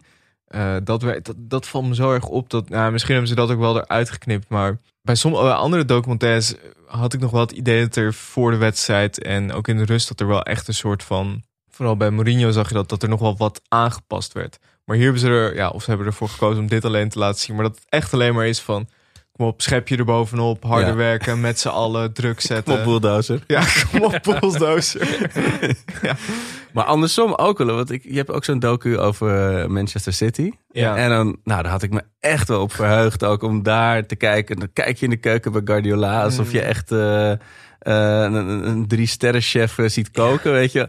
En die was ook, nou, eerst probeerde hij het in het Engels en niemand verstond hem. En op een gegeven moment ging je dan maar met een talk. En al, je zag al die spelers ook zo naar kijken van... Nou, ik heb geen idee wat hij wil dat we nu gaan doen. Eh, eh, en dat, dan houdt de uh, advocaat tenminste nog heel overzichtelijk. Ja. En eh, ik, ik had, ook daar was ik heel graag bij geweest. Het moment dat Dick Advocaat werd verteld dat er een all-access camera Ja. die met hem mee ging lopen dit seizoen. Maar Feyenoord heeft er 3 miljoen voor gekregen. Dat zal toch wel Nou, een werd, klein werd later deel... gezegd tussen de 1 en 1,5 miljoen. Oh. Zeiden de makers in NRC Ja, zelf. misschien dat die andere anderhalf miljoen dan naar Dikkie is gegaan om hem tevreden te houden. Ik bedoel, dat weet je natuurlijk niet. Maar nee, dat, daar zullen wel met deuren geslagen zijn, denk ik. Nou ja, de makers zeggen zelf, hebben ze in interviews gezegd, dat advocaat er wel oké mee was. En dat hij eh, ook toen, halverwege volgens mij in januari, hebben ze hem wat beelden laten zien. En toen kreeg hij wel wat meer vertrouwen en werd hij wat meer open. Ehm, maar ik weet ook niet in hoeverre hij dit als... Ja, het is, het is ook niet dat je denkt van, oef, wat een ander beeld hebben. Wat een demasqué. Ja, Nee, nee. het masker valt af. Dit is eigenlijk precies wel wat je verwacht had, toch? Ja, en het is anders bij een Guardiola of misschien bij Arne Slot. Dat je denkt van oké, deze mannen hebben voetbalvisie, Mm, weet je wel. eh, ja. Het heeft iets van eh, misschien een wiskundecollege of zo. Die je echt gaat verwachten van oké, nu ga ik iets leren. En dan is dat Demasqué natuurlijk veel groter. Als je dan ineens ziet dat zij ook met de... Kom op jongens! Weet je wel, Ja, dat, ja. ja.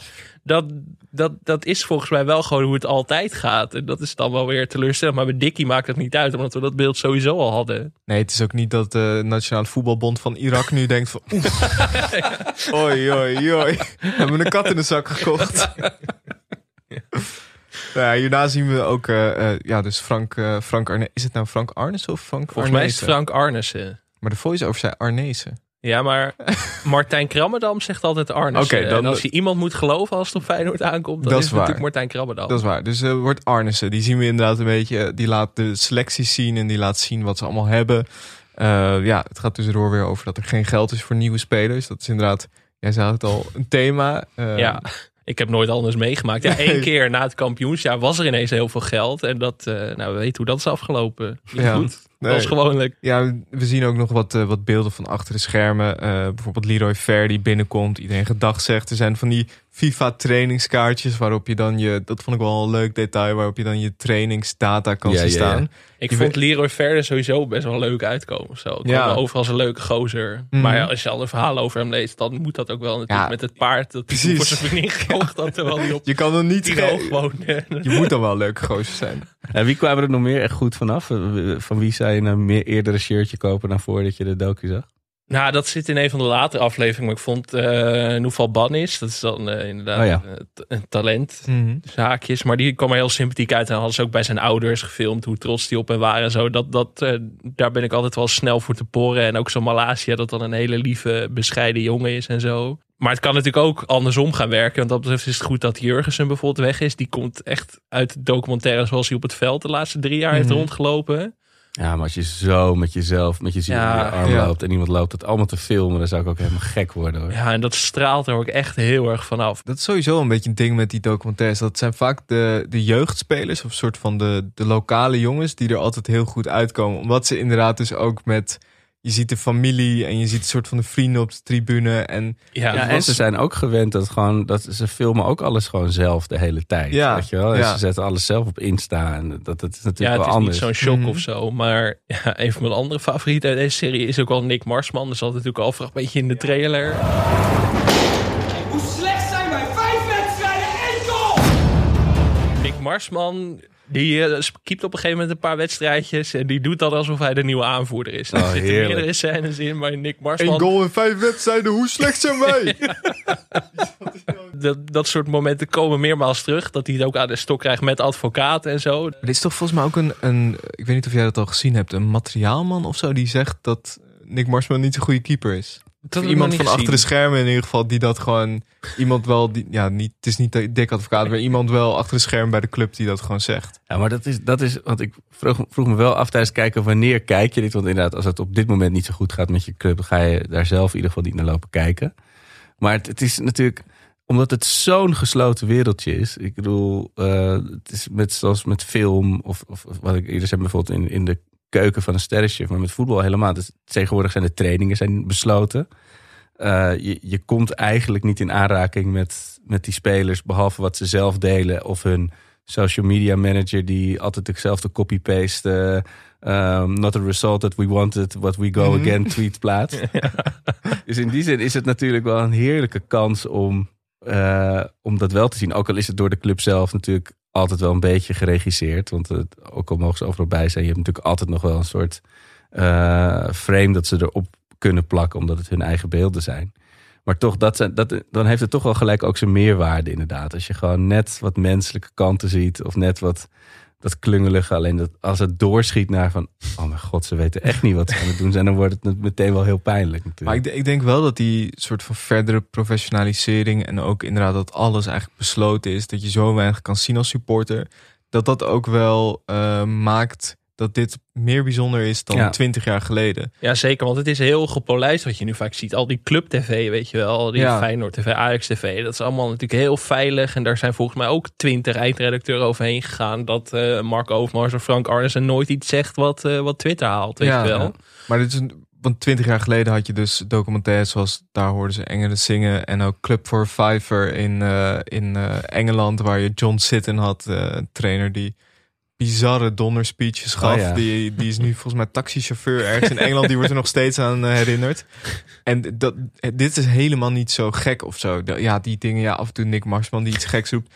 Maar gewoon omdat wij zo weinig eigenlijk nog gewend zijn, is het meteen voelt het allemaal echt als een meerwaarde. Zelfs dat je gewoon mee kan kijken bij zo'n training, wat natuurlijk helemaal niet bijzonder is. Voelt meteen wel als een meerwaarde. Ja, en dat is een beetje inderdaad de, de discussie. De laatste werd er zo'n oude Voetbal International seizoengids gep- gepubliceerd. Een fotootje. En dan stonden gewoon alle spelers van Ajax met hun adres eh, en hun telefo- huistelefoonnummer stonden in de Ja. VI-gids.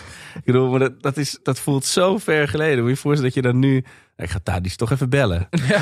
Ah, Heb je weer geluisterd naar de podcast? ik vond het echt niks hoe die heeft gespeeld. En dat is, ah, ik heb nu even geen tijd. Kun je even kaartjes sturen? Ja, is goed. Maar dat, dat voelt natuurlijk... Spelers zijn een soort abstracte gegevens geworden, weet Mhm. je wel. En dat, dat, dat trek je wel iets terug. Maar ik ben het wel met je eens, Michel, dat het gelijk wel... Het is wel echt kruimels die je dan krijgt. Van, oh, Ja. zie je wel, hij heeft ook ouders. Ja. Oh, fantastisch. Ja, en gewoon in af en toe zie je gewoon even die mediatraining wegvallen bij zo'n Marsman die dan helemaal uit zijn plaat gaat. Mhm. Maar dat zou die voor de camera niet zo snel doen natuurlijk als hij geïnterviewd wordt door eh, Pascal Kamperman. Ja, je speelt natuurlijk een lekkere wedstrijd. eh, precies, maar ja. je moet eh, nu weer het vizier op eh, Dordrecht uit. eh, ja. En dat is wel lekker. Dat, dat masker gewoon inderdaad, maar dat is dan op vier momentjes of zo in zo'n Mhm. uur. Maar ja, dat zijn wel de kruimels die je nodig hebt, zeg maar dan. En die heel bijzonder zijn. Maar En dat is natuurlijk heel gek met zoiets, omdat het van het afgelopen seizoen... je weet al wat de echte pijnpunten gaan zijn Ja. qua, qua, qua seizoenverloop. Wel, Wat zijn voor jou nou de tandartsafspraken van, eh, van deze serie? Nou, sowieso de bekerwedstrijd tegen Herenveen. Ach, ja. Dat weet ik nog wel. Te- Ik, we stonden ook voor toen. En toen dacht ik van, nou, ik ga even een rondje wandelen nog. Want dit kat in het bakje. En toen kwam ik terug. eh, twee rode kaarten, vier, twee verloren. Dat Ik is een dacht beetje echt, die oh, community ja. meme dat jij zo binnenkwam met die pizza's. En daar is blijkbaar ook eens, ja, werd het echt vechten in de kleedkamer. en Zo volgens mij Kuksu en Berghuis die toen op de vuist zijn gegaan. Er, er werd een beetje vaag over gedaan of dat nou in de documentaire zat. Ik hoop het natuurlijk wel. Maar dat soort wedstrijden. En ja, verder wa- er waren niet echt enorme blamages of zo. Of ja, er waren natuurlijk wel gelijkspellen tegen Emmen thuis, weet je wel. Maar het is geen pijn zoals de 4-0 tegen Ajax toen onder Jaap Stam. Dat je echt Ja. met 18-0 had moeten verliezen, weet je wel. Zo'n wedstrijd zat er ook weer niet bij dit Nee. seizoen. Maar in een van de latere afleveringen gaat het wel bijvoorbeeld dat ze, dat ze van, die, van die Oostenrijkse slagerzangers verliezen die er helemaal Ja, niks van ja, kunnen. Oh, ja.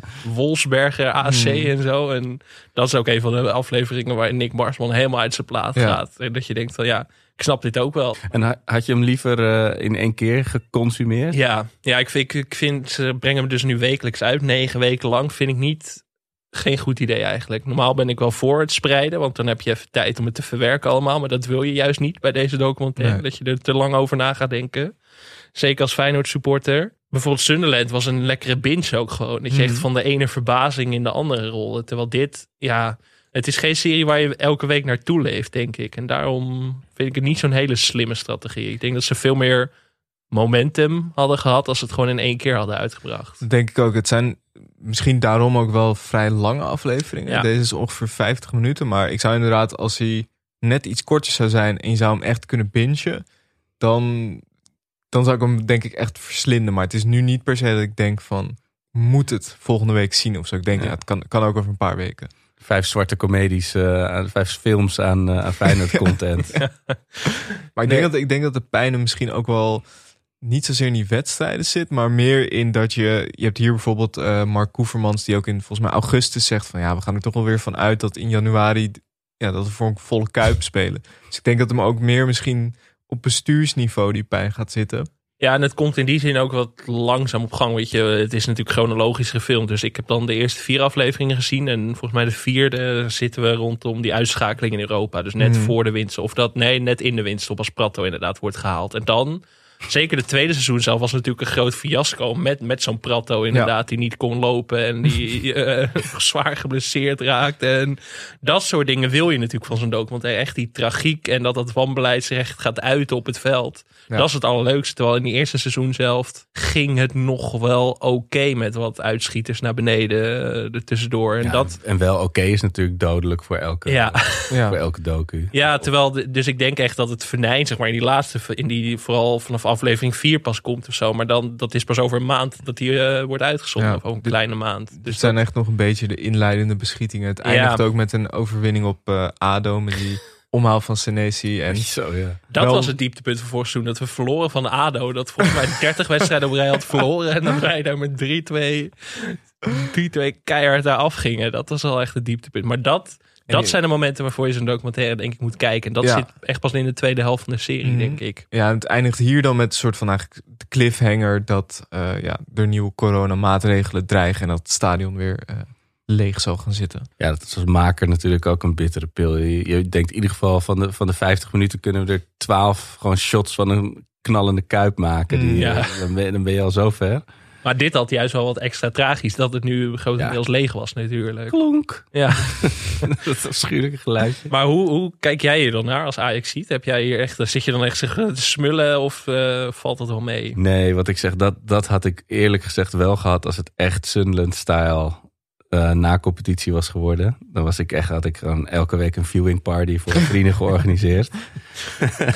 Eh, eh, maar nu is het ook wel een, ik vind het wel wat eerlijker om, om het op deze manier te zien. En, en nogmaals, voor mij is het 20 jaar geleden, zit, staat nog zo vers op mijn netvlies hoe dat demoskee van mijn eigen club, dit valt wat dat betreft heel erg mee.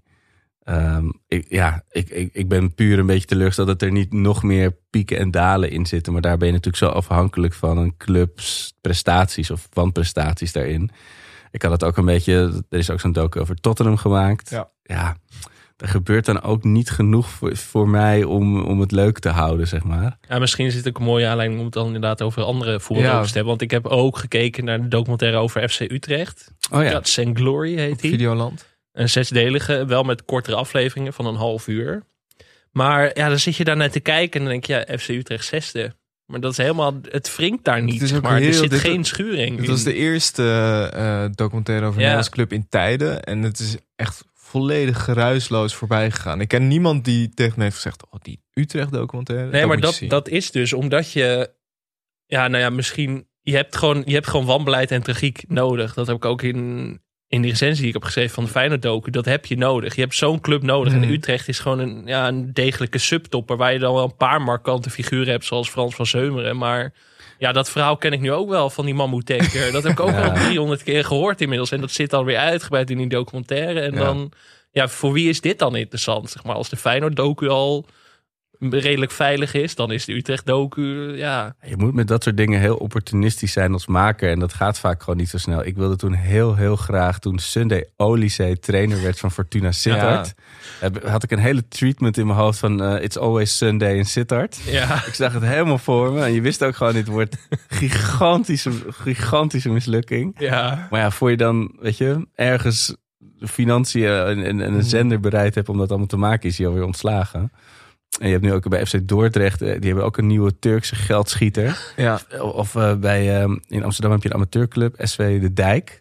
Daar zit ook een gigantische geldschieter. Dat zijn altijd de, de toffe verhalen. Dat zijn je verhalen die je wil als er zeg maar cowboys rondlopen. ja, of natuurlijk toen Jordania, gelukkig zijn daar hele goede boeken over Ja. verschenen. Oh van ja, Marcel van Roosmalen. Maar die, ja, Dat Precies wil je. Of die. Mexicaan bij Roda, weet je Ja, wel. Toen, dat, dat, als ja. je daar een camera, sowieso Roda JC, dus je daar de afgelopen drie jaar een camera Mhm. had, dan had je echt topmateriaal. Maar ja, René Haken, dat is niet dat ik denk, Maar voor die club zou het toch ook best wel een uitkomst zijn. Want ik bedoel, wij weten dat dat helemaal fout gaat bij zo'n Roda. of tenminste, ADO is natuurlijk ook zo'n bij ADO ook. En het is toch best wel ja, zo'n 1 miljoen, anderhalf miljoen voor, voor een club uit. Ik weet niet of natuurlijk een club uit de keukenkampioen-divisie ook dat bedrag voor Feyenoord krijgt. Waarschijnlijk minder. Maar het is toch best wel een significant bedrag. Zeker als je in een geldprobleem zit. En het is vrij makkelijk. Je zet de deuren open. Ik vond dat, eh, dat zeg ik natuurlijk als Ajax heel klein weer, heel, heel schoorvoetend. Maar PSV had het heel goed gedaan met die transfer van Gutsen. Daar hadden ze echt die, die docu, die, die making of van die transfers. Ze zaten gewoon bij die contractonderhandelingen Mhm. en zo. En dat hebben ze gewoon, Ja. kwamen ze heel goed vanaf, zeg maar. Dat was echt eh, goed, goed gespeeld met dat soort sfeertje van openheid eh, geven. Ehm, maar ik vond, je hebt er ook eentje van Leeds United. Volgens mij heet die The Way Back Home. Mhm. Ik had daarvoor helemaal niks met Leeds United. Ik vond het wel tof. Het was dat zo'n vechtersclub, weet je wel. Zo'n rauwe Engels team. Maar niet dat ik daar nou een band mee had. Maar door die docu was ik helemaal hyped dat ze eh, gepromoveerd waren in de Premier League. En ik met die trainer, die Bielsa, volg ik ze ook nog steeds. Maar dat is ook zo, dat is echt een toffe geworden. Want dan Ja. leef je natuurlijk ook heel erg van, oh, ik hoop dat ze het halen. Oh, net wel, net niet, weet je wel. Dat is gewoon prachtig gedaan. Ja, dat heb je nodig. Maar het, het ergste wat er met zo'n voetbaldocumentaire kan gebeuren is onverschilligheid. En dat Ja. heel erg bij die Mhm. Utrecht docu. Dan heb je inderdaad wel... Ja, Elia vond ik daar wel grappig uitkomen. Dat dat wel echt een character is of zo. Maar ja, Willem Jansen die dan heel vaak geïnterviewd wordt. Dat is gewoon... Mhm. Er, zit, er zit niks in. Je wilt toch een Ellen Pardew bij ADO. Ja. Weet je wel, met, Ja. die, met die tien Engelsen. Dat, dat was leuk geweest. Ja. Maar dan moet je net Ellen op het Pardew in die moment... Amsterdamse koffieshop. Ja. Ja, Maar wat, wat vinden jullie echt goede voetbaldocumentaires? Wat zijn jullie favorieten? Ik, eh, dat, dat is dan wel buiten het professioneel voetbal. Dus straf me af als ik, eh, als ik eh, buiten categorie ga. Maar ik vond kelderklasse 15 van eh, Daan van eh Street Lab vond ik heel leuk. Omdat het zo Ja. herkenbaar is en zo. Het gewoon echt, echt in de voetbalkantine is. Dat vond ik echt een hele fijne. Die heb ik met heel veel plezier gekeken. Eh, even denken. En wat is nou nog echt wel eentje? Ja, die, die van Leeds vind ik echt een aanrader. Jullie nog? Ja, mijn, mijn favoriet denk ik wel Voetbal is Oorlog. Over Ja. Achilles 29. Ja. Ik bedoel, Oh, die is fantastisch. ja, met, ja. met uh, kutkrel Wat en kutkeeper. Ja. Maar die hele documentaire is gewoon heel goed. Ja, het is natuurlijk verworden tot die meme. Maar er zitten zoveel dingen in waarvan je denkt... Dan ook dat gewoon clubbestuurders die denken dat ze het nieuwe, eh, ook een nieuwe provincieclub gaan maken. Die gewoon Mhm. mee kan doen met Groningen en Heerenveen. Terwijl dat gewoon... Is een van de vier clubs in Groesbeek, weet je wel? Ja. Dat, dat, dat zit er zo goed in. Ja, en vooral ook de, de miscommunicatie constant tussen die trainer en de spelers. En de, you have to be horny for the Ja. goal en zo, dat soort dingen. Ja, ik vond dat ook een hele goede documentaire. En ook een goede keuze dat het gewoon echt één documentaire was, niet een Precies. serie. Ja. Ik vond zelf, eh, die wordt niet zo vaak genoemd, maar ik vond de documentaire over Maradona in Mexico ook heel Oh, ja, leuk. Ja, ja. ook de, de Maradona documentaire van Acef Capedia is ook Ja. heel goed. Ja. Maar ik vond deze, of tenminste, ik vond hem... Ja, je bent eh, sceptisch? Nee, nee, nee. Oh, nee, nee, ik nee. dacht Ik ben- maar ik zat, ik zat meer van over. We hebben het over breder dan de club. eh pod- ja, eh, ja, eigenlijk. Ik Ja. eigenlijk, maar ik ben het nu iets breder aan het trekken. Nee, maar wat ik van Maradona vond, dat is, dat is zo'n fantastisch personage voor zijn documentaire. Altijd als hij in beeld komt, gebeurt er iets, zelfs als hij niks doet.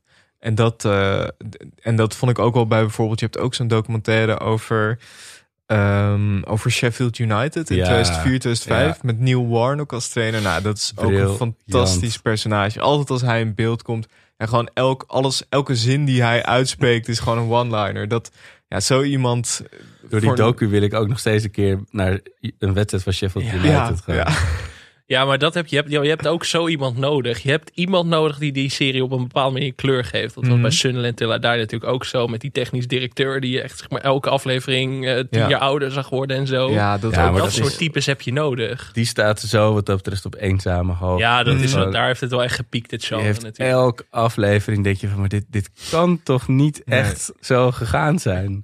Dat is bijna een soort, zoals in die Britse traditie van eh ja, Faulty Towers of Little Ja. Britain-achtige sketches gewoon. Ja. De grap is ook dat in het eerste seizoen gaat alles mis. En dan heb je inderdaad die, volgens mij die Charlie, eh, die, nee, hij had, hij had anders. Martin heet hij, Martin Bain.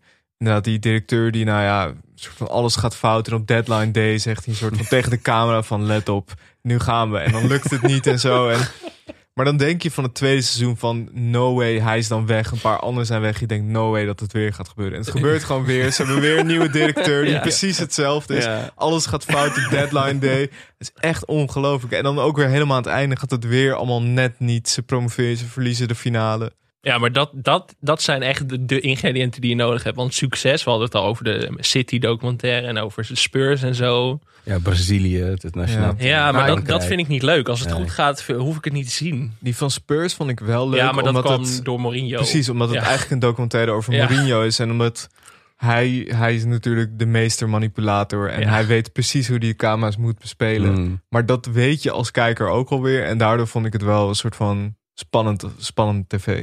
Welke ik ook heel goed vond is eh They Think It's All Rovers over Doncaster Rovers. Oh ja, Eh, ja. Ook van een jaar of tien, of nee, uit de jaren negentig zelfs. Ook zo'n club die dan helemaal onderaan bungelt in de laagste competitie van Engeland. En dan alle records verbreekt, zeg maar, qua hoe slecht het allemaal gaat. En dat de clubeigenaar is opgepakt omdat hij het eigen stadion in de fik heeft gestoken voor de verzekering. En allemaal dat soort dingen, die staat op YouTube. Dat is wel echt een aanrader. Klopt, ja. Daar heb ik lang niet over nagedacht. Dat is echt een hele Maar goede. dat heb je nodig, inderdaad, zo'n totaal gestoord iemand of zo. En daarom, ik maar- ben wel benieuwd of dit een trend ook gaat worden. Dat meer clubs in Nederland dit nu willen, zeg maar, een eigen docu. Nou, niet, niet als ze onze podca- jullie podcast hebben geluisterd, denk ik.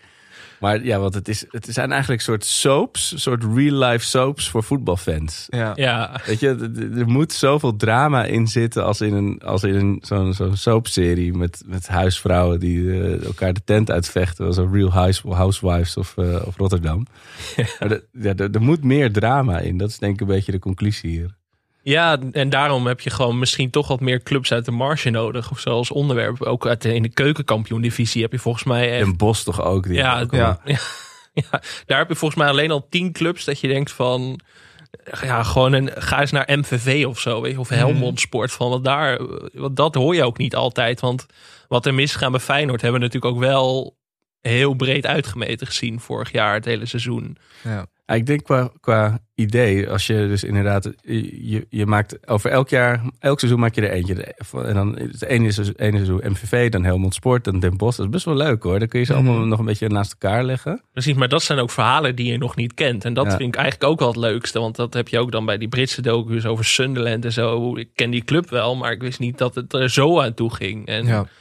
Dat zie ik dan toch liever, denk ik, dan dat PSV volgend jaar eh, langskomt met Eendracht maakt macht of zo. Ja. Zo'n documentaire dat ze tweede worden. En, Kan, ja, de, kan de platte kachel uit de schuur? Ja. Ja. en dat Ronald Waterreus de talking head is, weet je wel. Dat, Er staat eronder Ronald Koeman.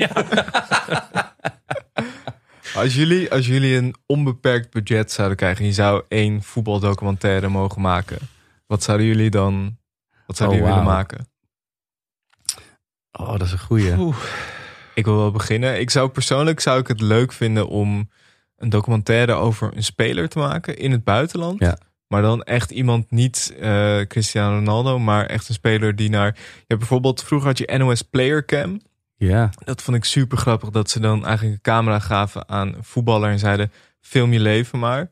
En er is één aflevering, volgens mij is dat met Jody Lukoki in Bulgarije. Ja, in Bulgarije, in Ludogorets. En je ziet hem door het stadscentrum lopen en een soort van ja, er is niks te doen. En volgens mij laat iemand op een gegeven moment, doet iemand zijn onderbroek naar beneden uit een soort van verveling naar de camera. En ik dacht, ja, dat zou echt fantastisch zijn om zo'n Nederlander echt ergens in Bulgarije Ja. of Roemenië of zo een jaar lang te volgen. Je had zo'n hele mooie NPO-documentaire. Volgens mij was het voor NPO 3 of voor 2 doc. Van een, een Nederlandse voetballer die dan echt nou... Ik weet niet of hij in Grozny van Gullit bij, in Tsjetsjenië ging spelen. Volgens mij maar is dat uh, Boussoufa die Ja. eh, in, Oh, ja. ergens in Rusland speelt. Dat was heel mooi. Dat Ja. was wel heel grimmig. Heel eenzaam. Echt in zo'n gouden, gouden paleis zat hij. Ja, ik zit toch inderdaad op het spoor van KKD-clubs. Dat, dat, dat- daar heb ik gewoon een fascinatie mee van Top Os en dat soort clubs. Daar ben ik gewoon door gefascineerd. Ook omdat ik dat soort clubs gewoon niet zo goed ken van binnenuit. Of ik zou willen gaan gewoon één trainer pakken. Ik noem even Jaap Stam, niet geheel toevallig. En dan gewoon, gewoon volgen hoe zijn trainerscarrière verloopt. Jaap dus meerdere Cincinnati. jaren. Ja, Jaap in Cincinnati. En dan dat Jaap straks weer naar een championship club gaat of zo. QPR of zo, weet je wel. Oh, Davids. Ja, David is ook heel goed. Portugal. En dat hij in Engeland nog zelf mee ging spelen en zo. Ja, met Barnett. Als je daar een camera op had gezet dat hij zichzelf rug nummer 1 gaf en zo. Ja, maar dat, dat is volgens mij wat je ook zo inderdaad dan het liefst zo'n oud voetballer die dan trainer wordt en dat dat helemaal de soep inloopt, dat, dat zou ik ook wel tof vinden. Ja, ja. Dat Wesley Snyder is die nu trainer wordt of zo, dat je daar ook gewoon een camera op zet. Ja, of. Wesley Sneijder in Qatar dat jaar. Ja. Dat zou Ah, ja. toch ook, ja, dat soort dingen. Ja. Ik denk dat daar wel echt, eh, ik, ik verwacht dat het ook nog wel gaat komen. Maar volgens mij zit daar nog wel echt een, eh, daar kan je echt heel goed materiaal uithalen. Ja, ik zou vrees ik toch inderdaad zelf ook weer veel te hard de ITVA highbrow kant op gaan. Je hebt namelijk op Groenland heb je een voetbalcompetitie. Ik zei, dat moet er toch ook heel interessant aan toe gaan met al die... Ja, je moet dan met een, met een vliegtuigje of met een hondenslee naar, naar de tegenstander toe en zo. Hoe gaat het allemaal? Ik, vond het, ik ben ook heel gefascineerd toen door PSV. Die moest op een gegeven moment een uitwedstrijd in Siberië spelen. Die hebben geloof ik echt 14 uur of langer gevlogen. En er waren ook twee supporters waren meegegaan. Ja. Maar ook, weet je, als je die club daar, de dichtstbijzijnde andere club is duizend kilometer, minstens. Weet je wel. Dat, zou ik ook wel een mooi dokertje over, over willen maken hoor. Oei. Ja, inderdaad. Iets meer de, de arthouserie zien op. Maar dat Ja, maar dan wel inderdaad wel is wel de, de, de, de, de materiaalman wiens grasmaaier op vodka loopt en zo. weet je wel. Dat, soort, dat soort figuren mogen er wel in. Nou, we hebben het ook wel eens gehad over een, een soort The Last Dance, maar dan over voetbal. Er is vast wel ergens een soort van legendarisch seizoen. eh, bijvoorbeeld een Ajax 95 of zo, waar je dan... Maar de goed dan, dat ging dus allemaal goed. Maar een soort Mark van... van Bommel die terugkwam bij PSV of zo. zo ja, iemand. maar dan, eh, als je gewoon echt, maar dan echt iedereen gewoon spreekt achteraf. En, Ja, maar waar ik dan bang voor ben wat ze gaan doen is dan weer Dirk Kuyt 2017 of zo. Weet je wel, zo, dat Ja, ze maar die heeft al een documentaire-. Over goede documentaires gesproken. dat is Ja, dat was ik ook. Ik werkte toen nog bij Bier Vara en ik was zo kinderachtig. Ik wilde hem ook niet zien. Ze zei, ja, maar jij, kijk er even naar. Nee, nee, ik wil het niet. Kleine.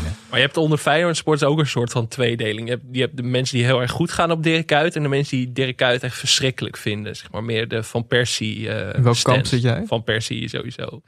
Je was altijd team Kuyt of team Van Persie. Dat kwam het een beetje op de neer. Beatles en de Rolling Stones. eh in één buik. Ja. Daarom, als Kuyt trainer van Feyenoord was geworden... dat was natuurlijk ook een goede Ja, geworden. Maar dat, Een mesje in het rug van advocaat had geplant halverwege. dat was ook wel mijn grootste nachtmerrie geweest. Dat, eh dat Kuyt trainer van Feyenoord. Daar ben ik nog steeds bang voor. Ik hoop dat iemand naar deze podcast luistert, Frank Arnes, en denkt... Het gaan we levenslang voorkomen dat dat ooit gebeurt. Dat lijkt me heel leuk. Oh, je hebt trouwens nog één voetbaldocu. Alleen ik weet even niet de naam, dus dat wordt even googelen. Maar die, je, over de tijd, eh, jaren zeventig, dat alle grote Europese namen in Amerika kwamen voetballen. Dus de voorloper van de MLS. Dus met eh, eh, eh, New York Cosmos of, eh, en een uh, kruisspel volgens mij in Washington en later Mhm. nog in LA. En over die tijd dat ze gewoon met z'n allen naar studio, eh, eh, hoe heet die ook weer? Die, die legendarische discotheek, in ieder geval. Dat ze met, met Pelle en Cruijff en allemaal Ja, ja, de- ja. de disco en, en de rock'n'roll hebben. Het zijn altijd die verhalen. Is dat advocaat die toen met George Best speelde?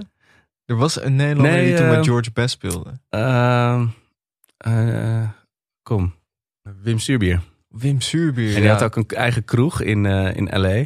En die, die dronk gewoon George Best elke avond onder de tafel. Dan ben je ook wel een held. hoor. Als je over, ik, zat, ik zat dat boek over Johan Derks te lezen. Daar zin- staan ook anekdotes in over Wim Suurbier en de Nigeriaanse maffia. Dan denk je, nou, als er over iemand toch een documentaire moet worden gemaakt. ik ben, ik was ben het wel een podcast over hem aan het maken. Nee, echt. Echt? Ja. Is dit een eh, scoop? Eh, nee, ja. Dat mag gewoon eh, in het openbaar gezegd worden. Oké. Eh, ja. Goeie keuze. Ja. Ja. Zo, nou, dan gaan wat we je er... wil, hè? Ja. Dit is echt wel precies waar ik naar op zoek was. Wat goed dit. Wauw. Dus, eh, Ik heb bijvoorbeeld Maarten Spanje geïnterviewd over. Oh, dan oef. komt er toch een blik verhalen over. Ja. Jongens, echt prachtig. Ook over een Helemaal. televisie gesproken. Zeg. Ja. Jaloers wel een beetje hoor. Ja. Maar wat nu ook een beetje trend wordt, dat zag ik, daar kwam ik dan tegen toen ik met, eh, met dat stuk bezig was. Dat Ryan Reynolds en Rob McElhenney hebben nu ook een club Mhm. gekocht in Wales. En die gaan daar dan ook een documentaire Ja. over maken. Maar ik vraag me af of dat dan, zeg maar. Dan heb ik ook meteen medelijden met die club. Ja, want dat nooit- wordt dan een soort speeltje van Hollywood of zo. Van kijk ons eens eh, lekker zo'n club overnemen en kijken wat er dan gebeurt. of zo. Ik ben heel benieuwd hoe dat... die mega eh, onwetende Hollywood mensen die zeggen: Kunnen jullie die goal nog een keer maken? De drone hing niet goed. Nee, het is gewoon een wedstrijd. Ja. Maar ik zou dan- iemand daar weer een docu over moeten maken. Precies, ja. ik moet dan altijd denken aan één scène in Succession. Dat eh, een van de zoons van de hoofdrolspeler dan een club koopt als cadeau voor zijn vader. En dat hij dan de verkeerde club koopt. Weet je wel? Dat, dat, daar moest ik hier ook heel erg aan denken. Die arme supporters van zo'n... Dan ben je heel even fan van zo'n club in Wales. En dan komen er twee Amerikanen om, dat, om daar een beetje de draak mee te steken of zo. Maar wat is dat met Wales? Want die andere club, Cardiff, die moesten toch ook in het rood gaan voetballen Ja, opeens, omdat het gelukskleur was. Club Nou, ja. ja. Ja. dat is toch al sneu voor die mensen. Die hebben het al niet makkelijk. Ik bedoel, Dan zit je in Wales en dan krijg je ook nog dit. De hele dag regen en dan ook nog dit. Die woont in een plek eh, met 24 medeklinkers. Ja. Ja, maar het, het is dus wel, ik denk, te zeggen dat hoe, hoe wiebeliger de club, hoe beter de docu. Ja. Dat denk ik ook. Ja. Ik ben ook benieuwd of het eh, in het buitenland echt opgepikt gaat worden dan. Bijvoorbeeld dat... eh, Nou, het is wel een aanrader om, om het ook in andere Ja. talen te kijken. Zo. dat is het allerleukste. Dik advocaat in het Koreaans. Dat is echt, zet dat even op. Dat is fantastisch. Het is volgens mij in 27 landen, zeg ik uit mijn hoofd, is het eh, in première gegaan. Dus eh, ja, ik ben, ik ben maar inderdaad die nasynchronisatie is heel goed. Want als je inderdaad die wedstrijdbespreking van John de Wolf ook in het Japans doet, dan, dan klinkt hij ineens als een vakman. Dan, dan maakt het echt niet uit. Ja. Ja, Dus dat is de grootste tip. Van kijk hem in het, eh, in het Duits of in het eh, Zuid-Koreaans of in het Pools. Is ook een aanrader, heb ik geprobeerd. En leuk. Dat is, eh, leuk, echt beter. goed, je moet dus, als je hem helemaal in één keer wil bingen, moet je wachten tot september. Of eh, sorry, sorry, Eind oktober tot, eh, zelfs. Tot november, denk ik zelfs. Ja, Maar het zou toch helemaal hilarisch zijn als er nu een, echt zo'n echt zo'n ultra geldschieter dit ziet en denkt... Ja, Dit, is, dit is waar ik me aan wil verbinden. Dat die nu met 80 miljoen aankomt dan zetten. krijg je ook alweer een goede documentaire. Ja, dan zie je precies. dat er een soort sheik in Rotterdam aankomt. Ja. Die dan eh, binnen Mum van Thijs zijn eigen liedje heeft en zo. Dat, daar, daar zou ik wel voor te porren zijn inderdaad. Eh, ik denk dat het tijd wordt om te gaan afronden. Arke, je moet wel nog een keer langskomen om het over 24-7 jaren te hebben. En Ja. eigenlijk alle, alle formats die jij bedacht hebt. En eh, Nou ja, en ook hoe, hoe je dus van een goed idee in een heel slecht programma tegen, terechtkomt. Gewoon die, die, die weg. En weet je, hoe makkelijk, hoe snel dat gaat. En hoe langzaam je die, die trein op je af ziet komen. En dan toch niet aan de kant gaat. Oh. Nou, een vervolgafspraak staat bij deze. precies, precies. nou, je nodigt jezelf alweer uit. Dus eh, we zien je wel voorbij komen. Ja, vond je deze podcast leuk? Laat dan een recensie achter op iTunes. Je kan ook vriend van de show worden. Dat kan op vriendvandeshow.nl slash televisiepodcast. Of stuur ons een bericht op Twitter of Instagram, at televisiepod. Of mail ons op televisiepodcast.gmail.com. Veel dank aan Dag en Nacht Media, aan Studio Cloak voor de tune, aan Weidse Valkma voor de illustratie en natuurlijk aan onze gast Arco Gnocchi. Tot volgende week. Tot volgende week. Top bulldozers.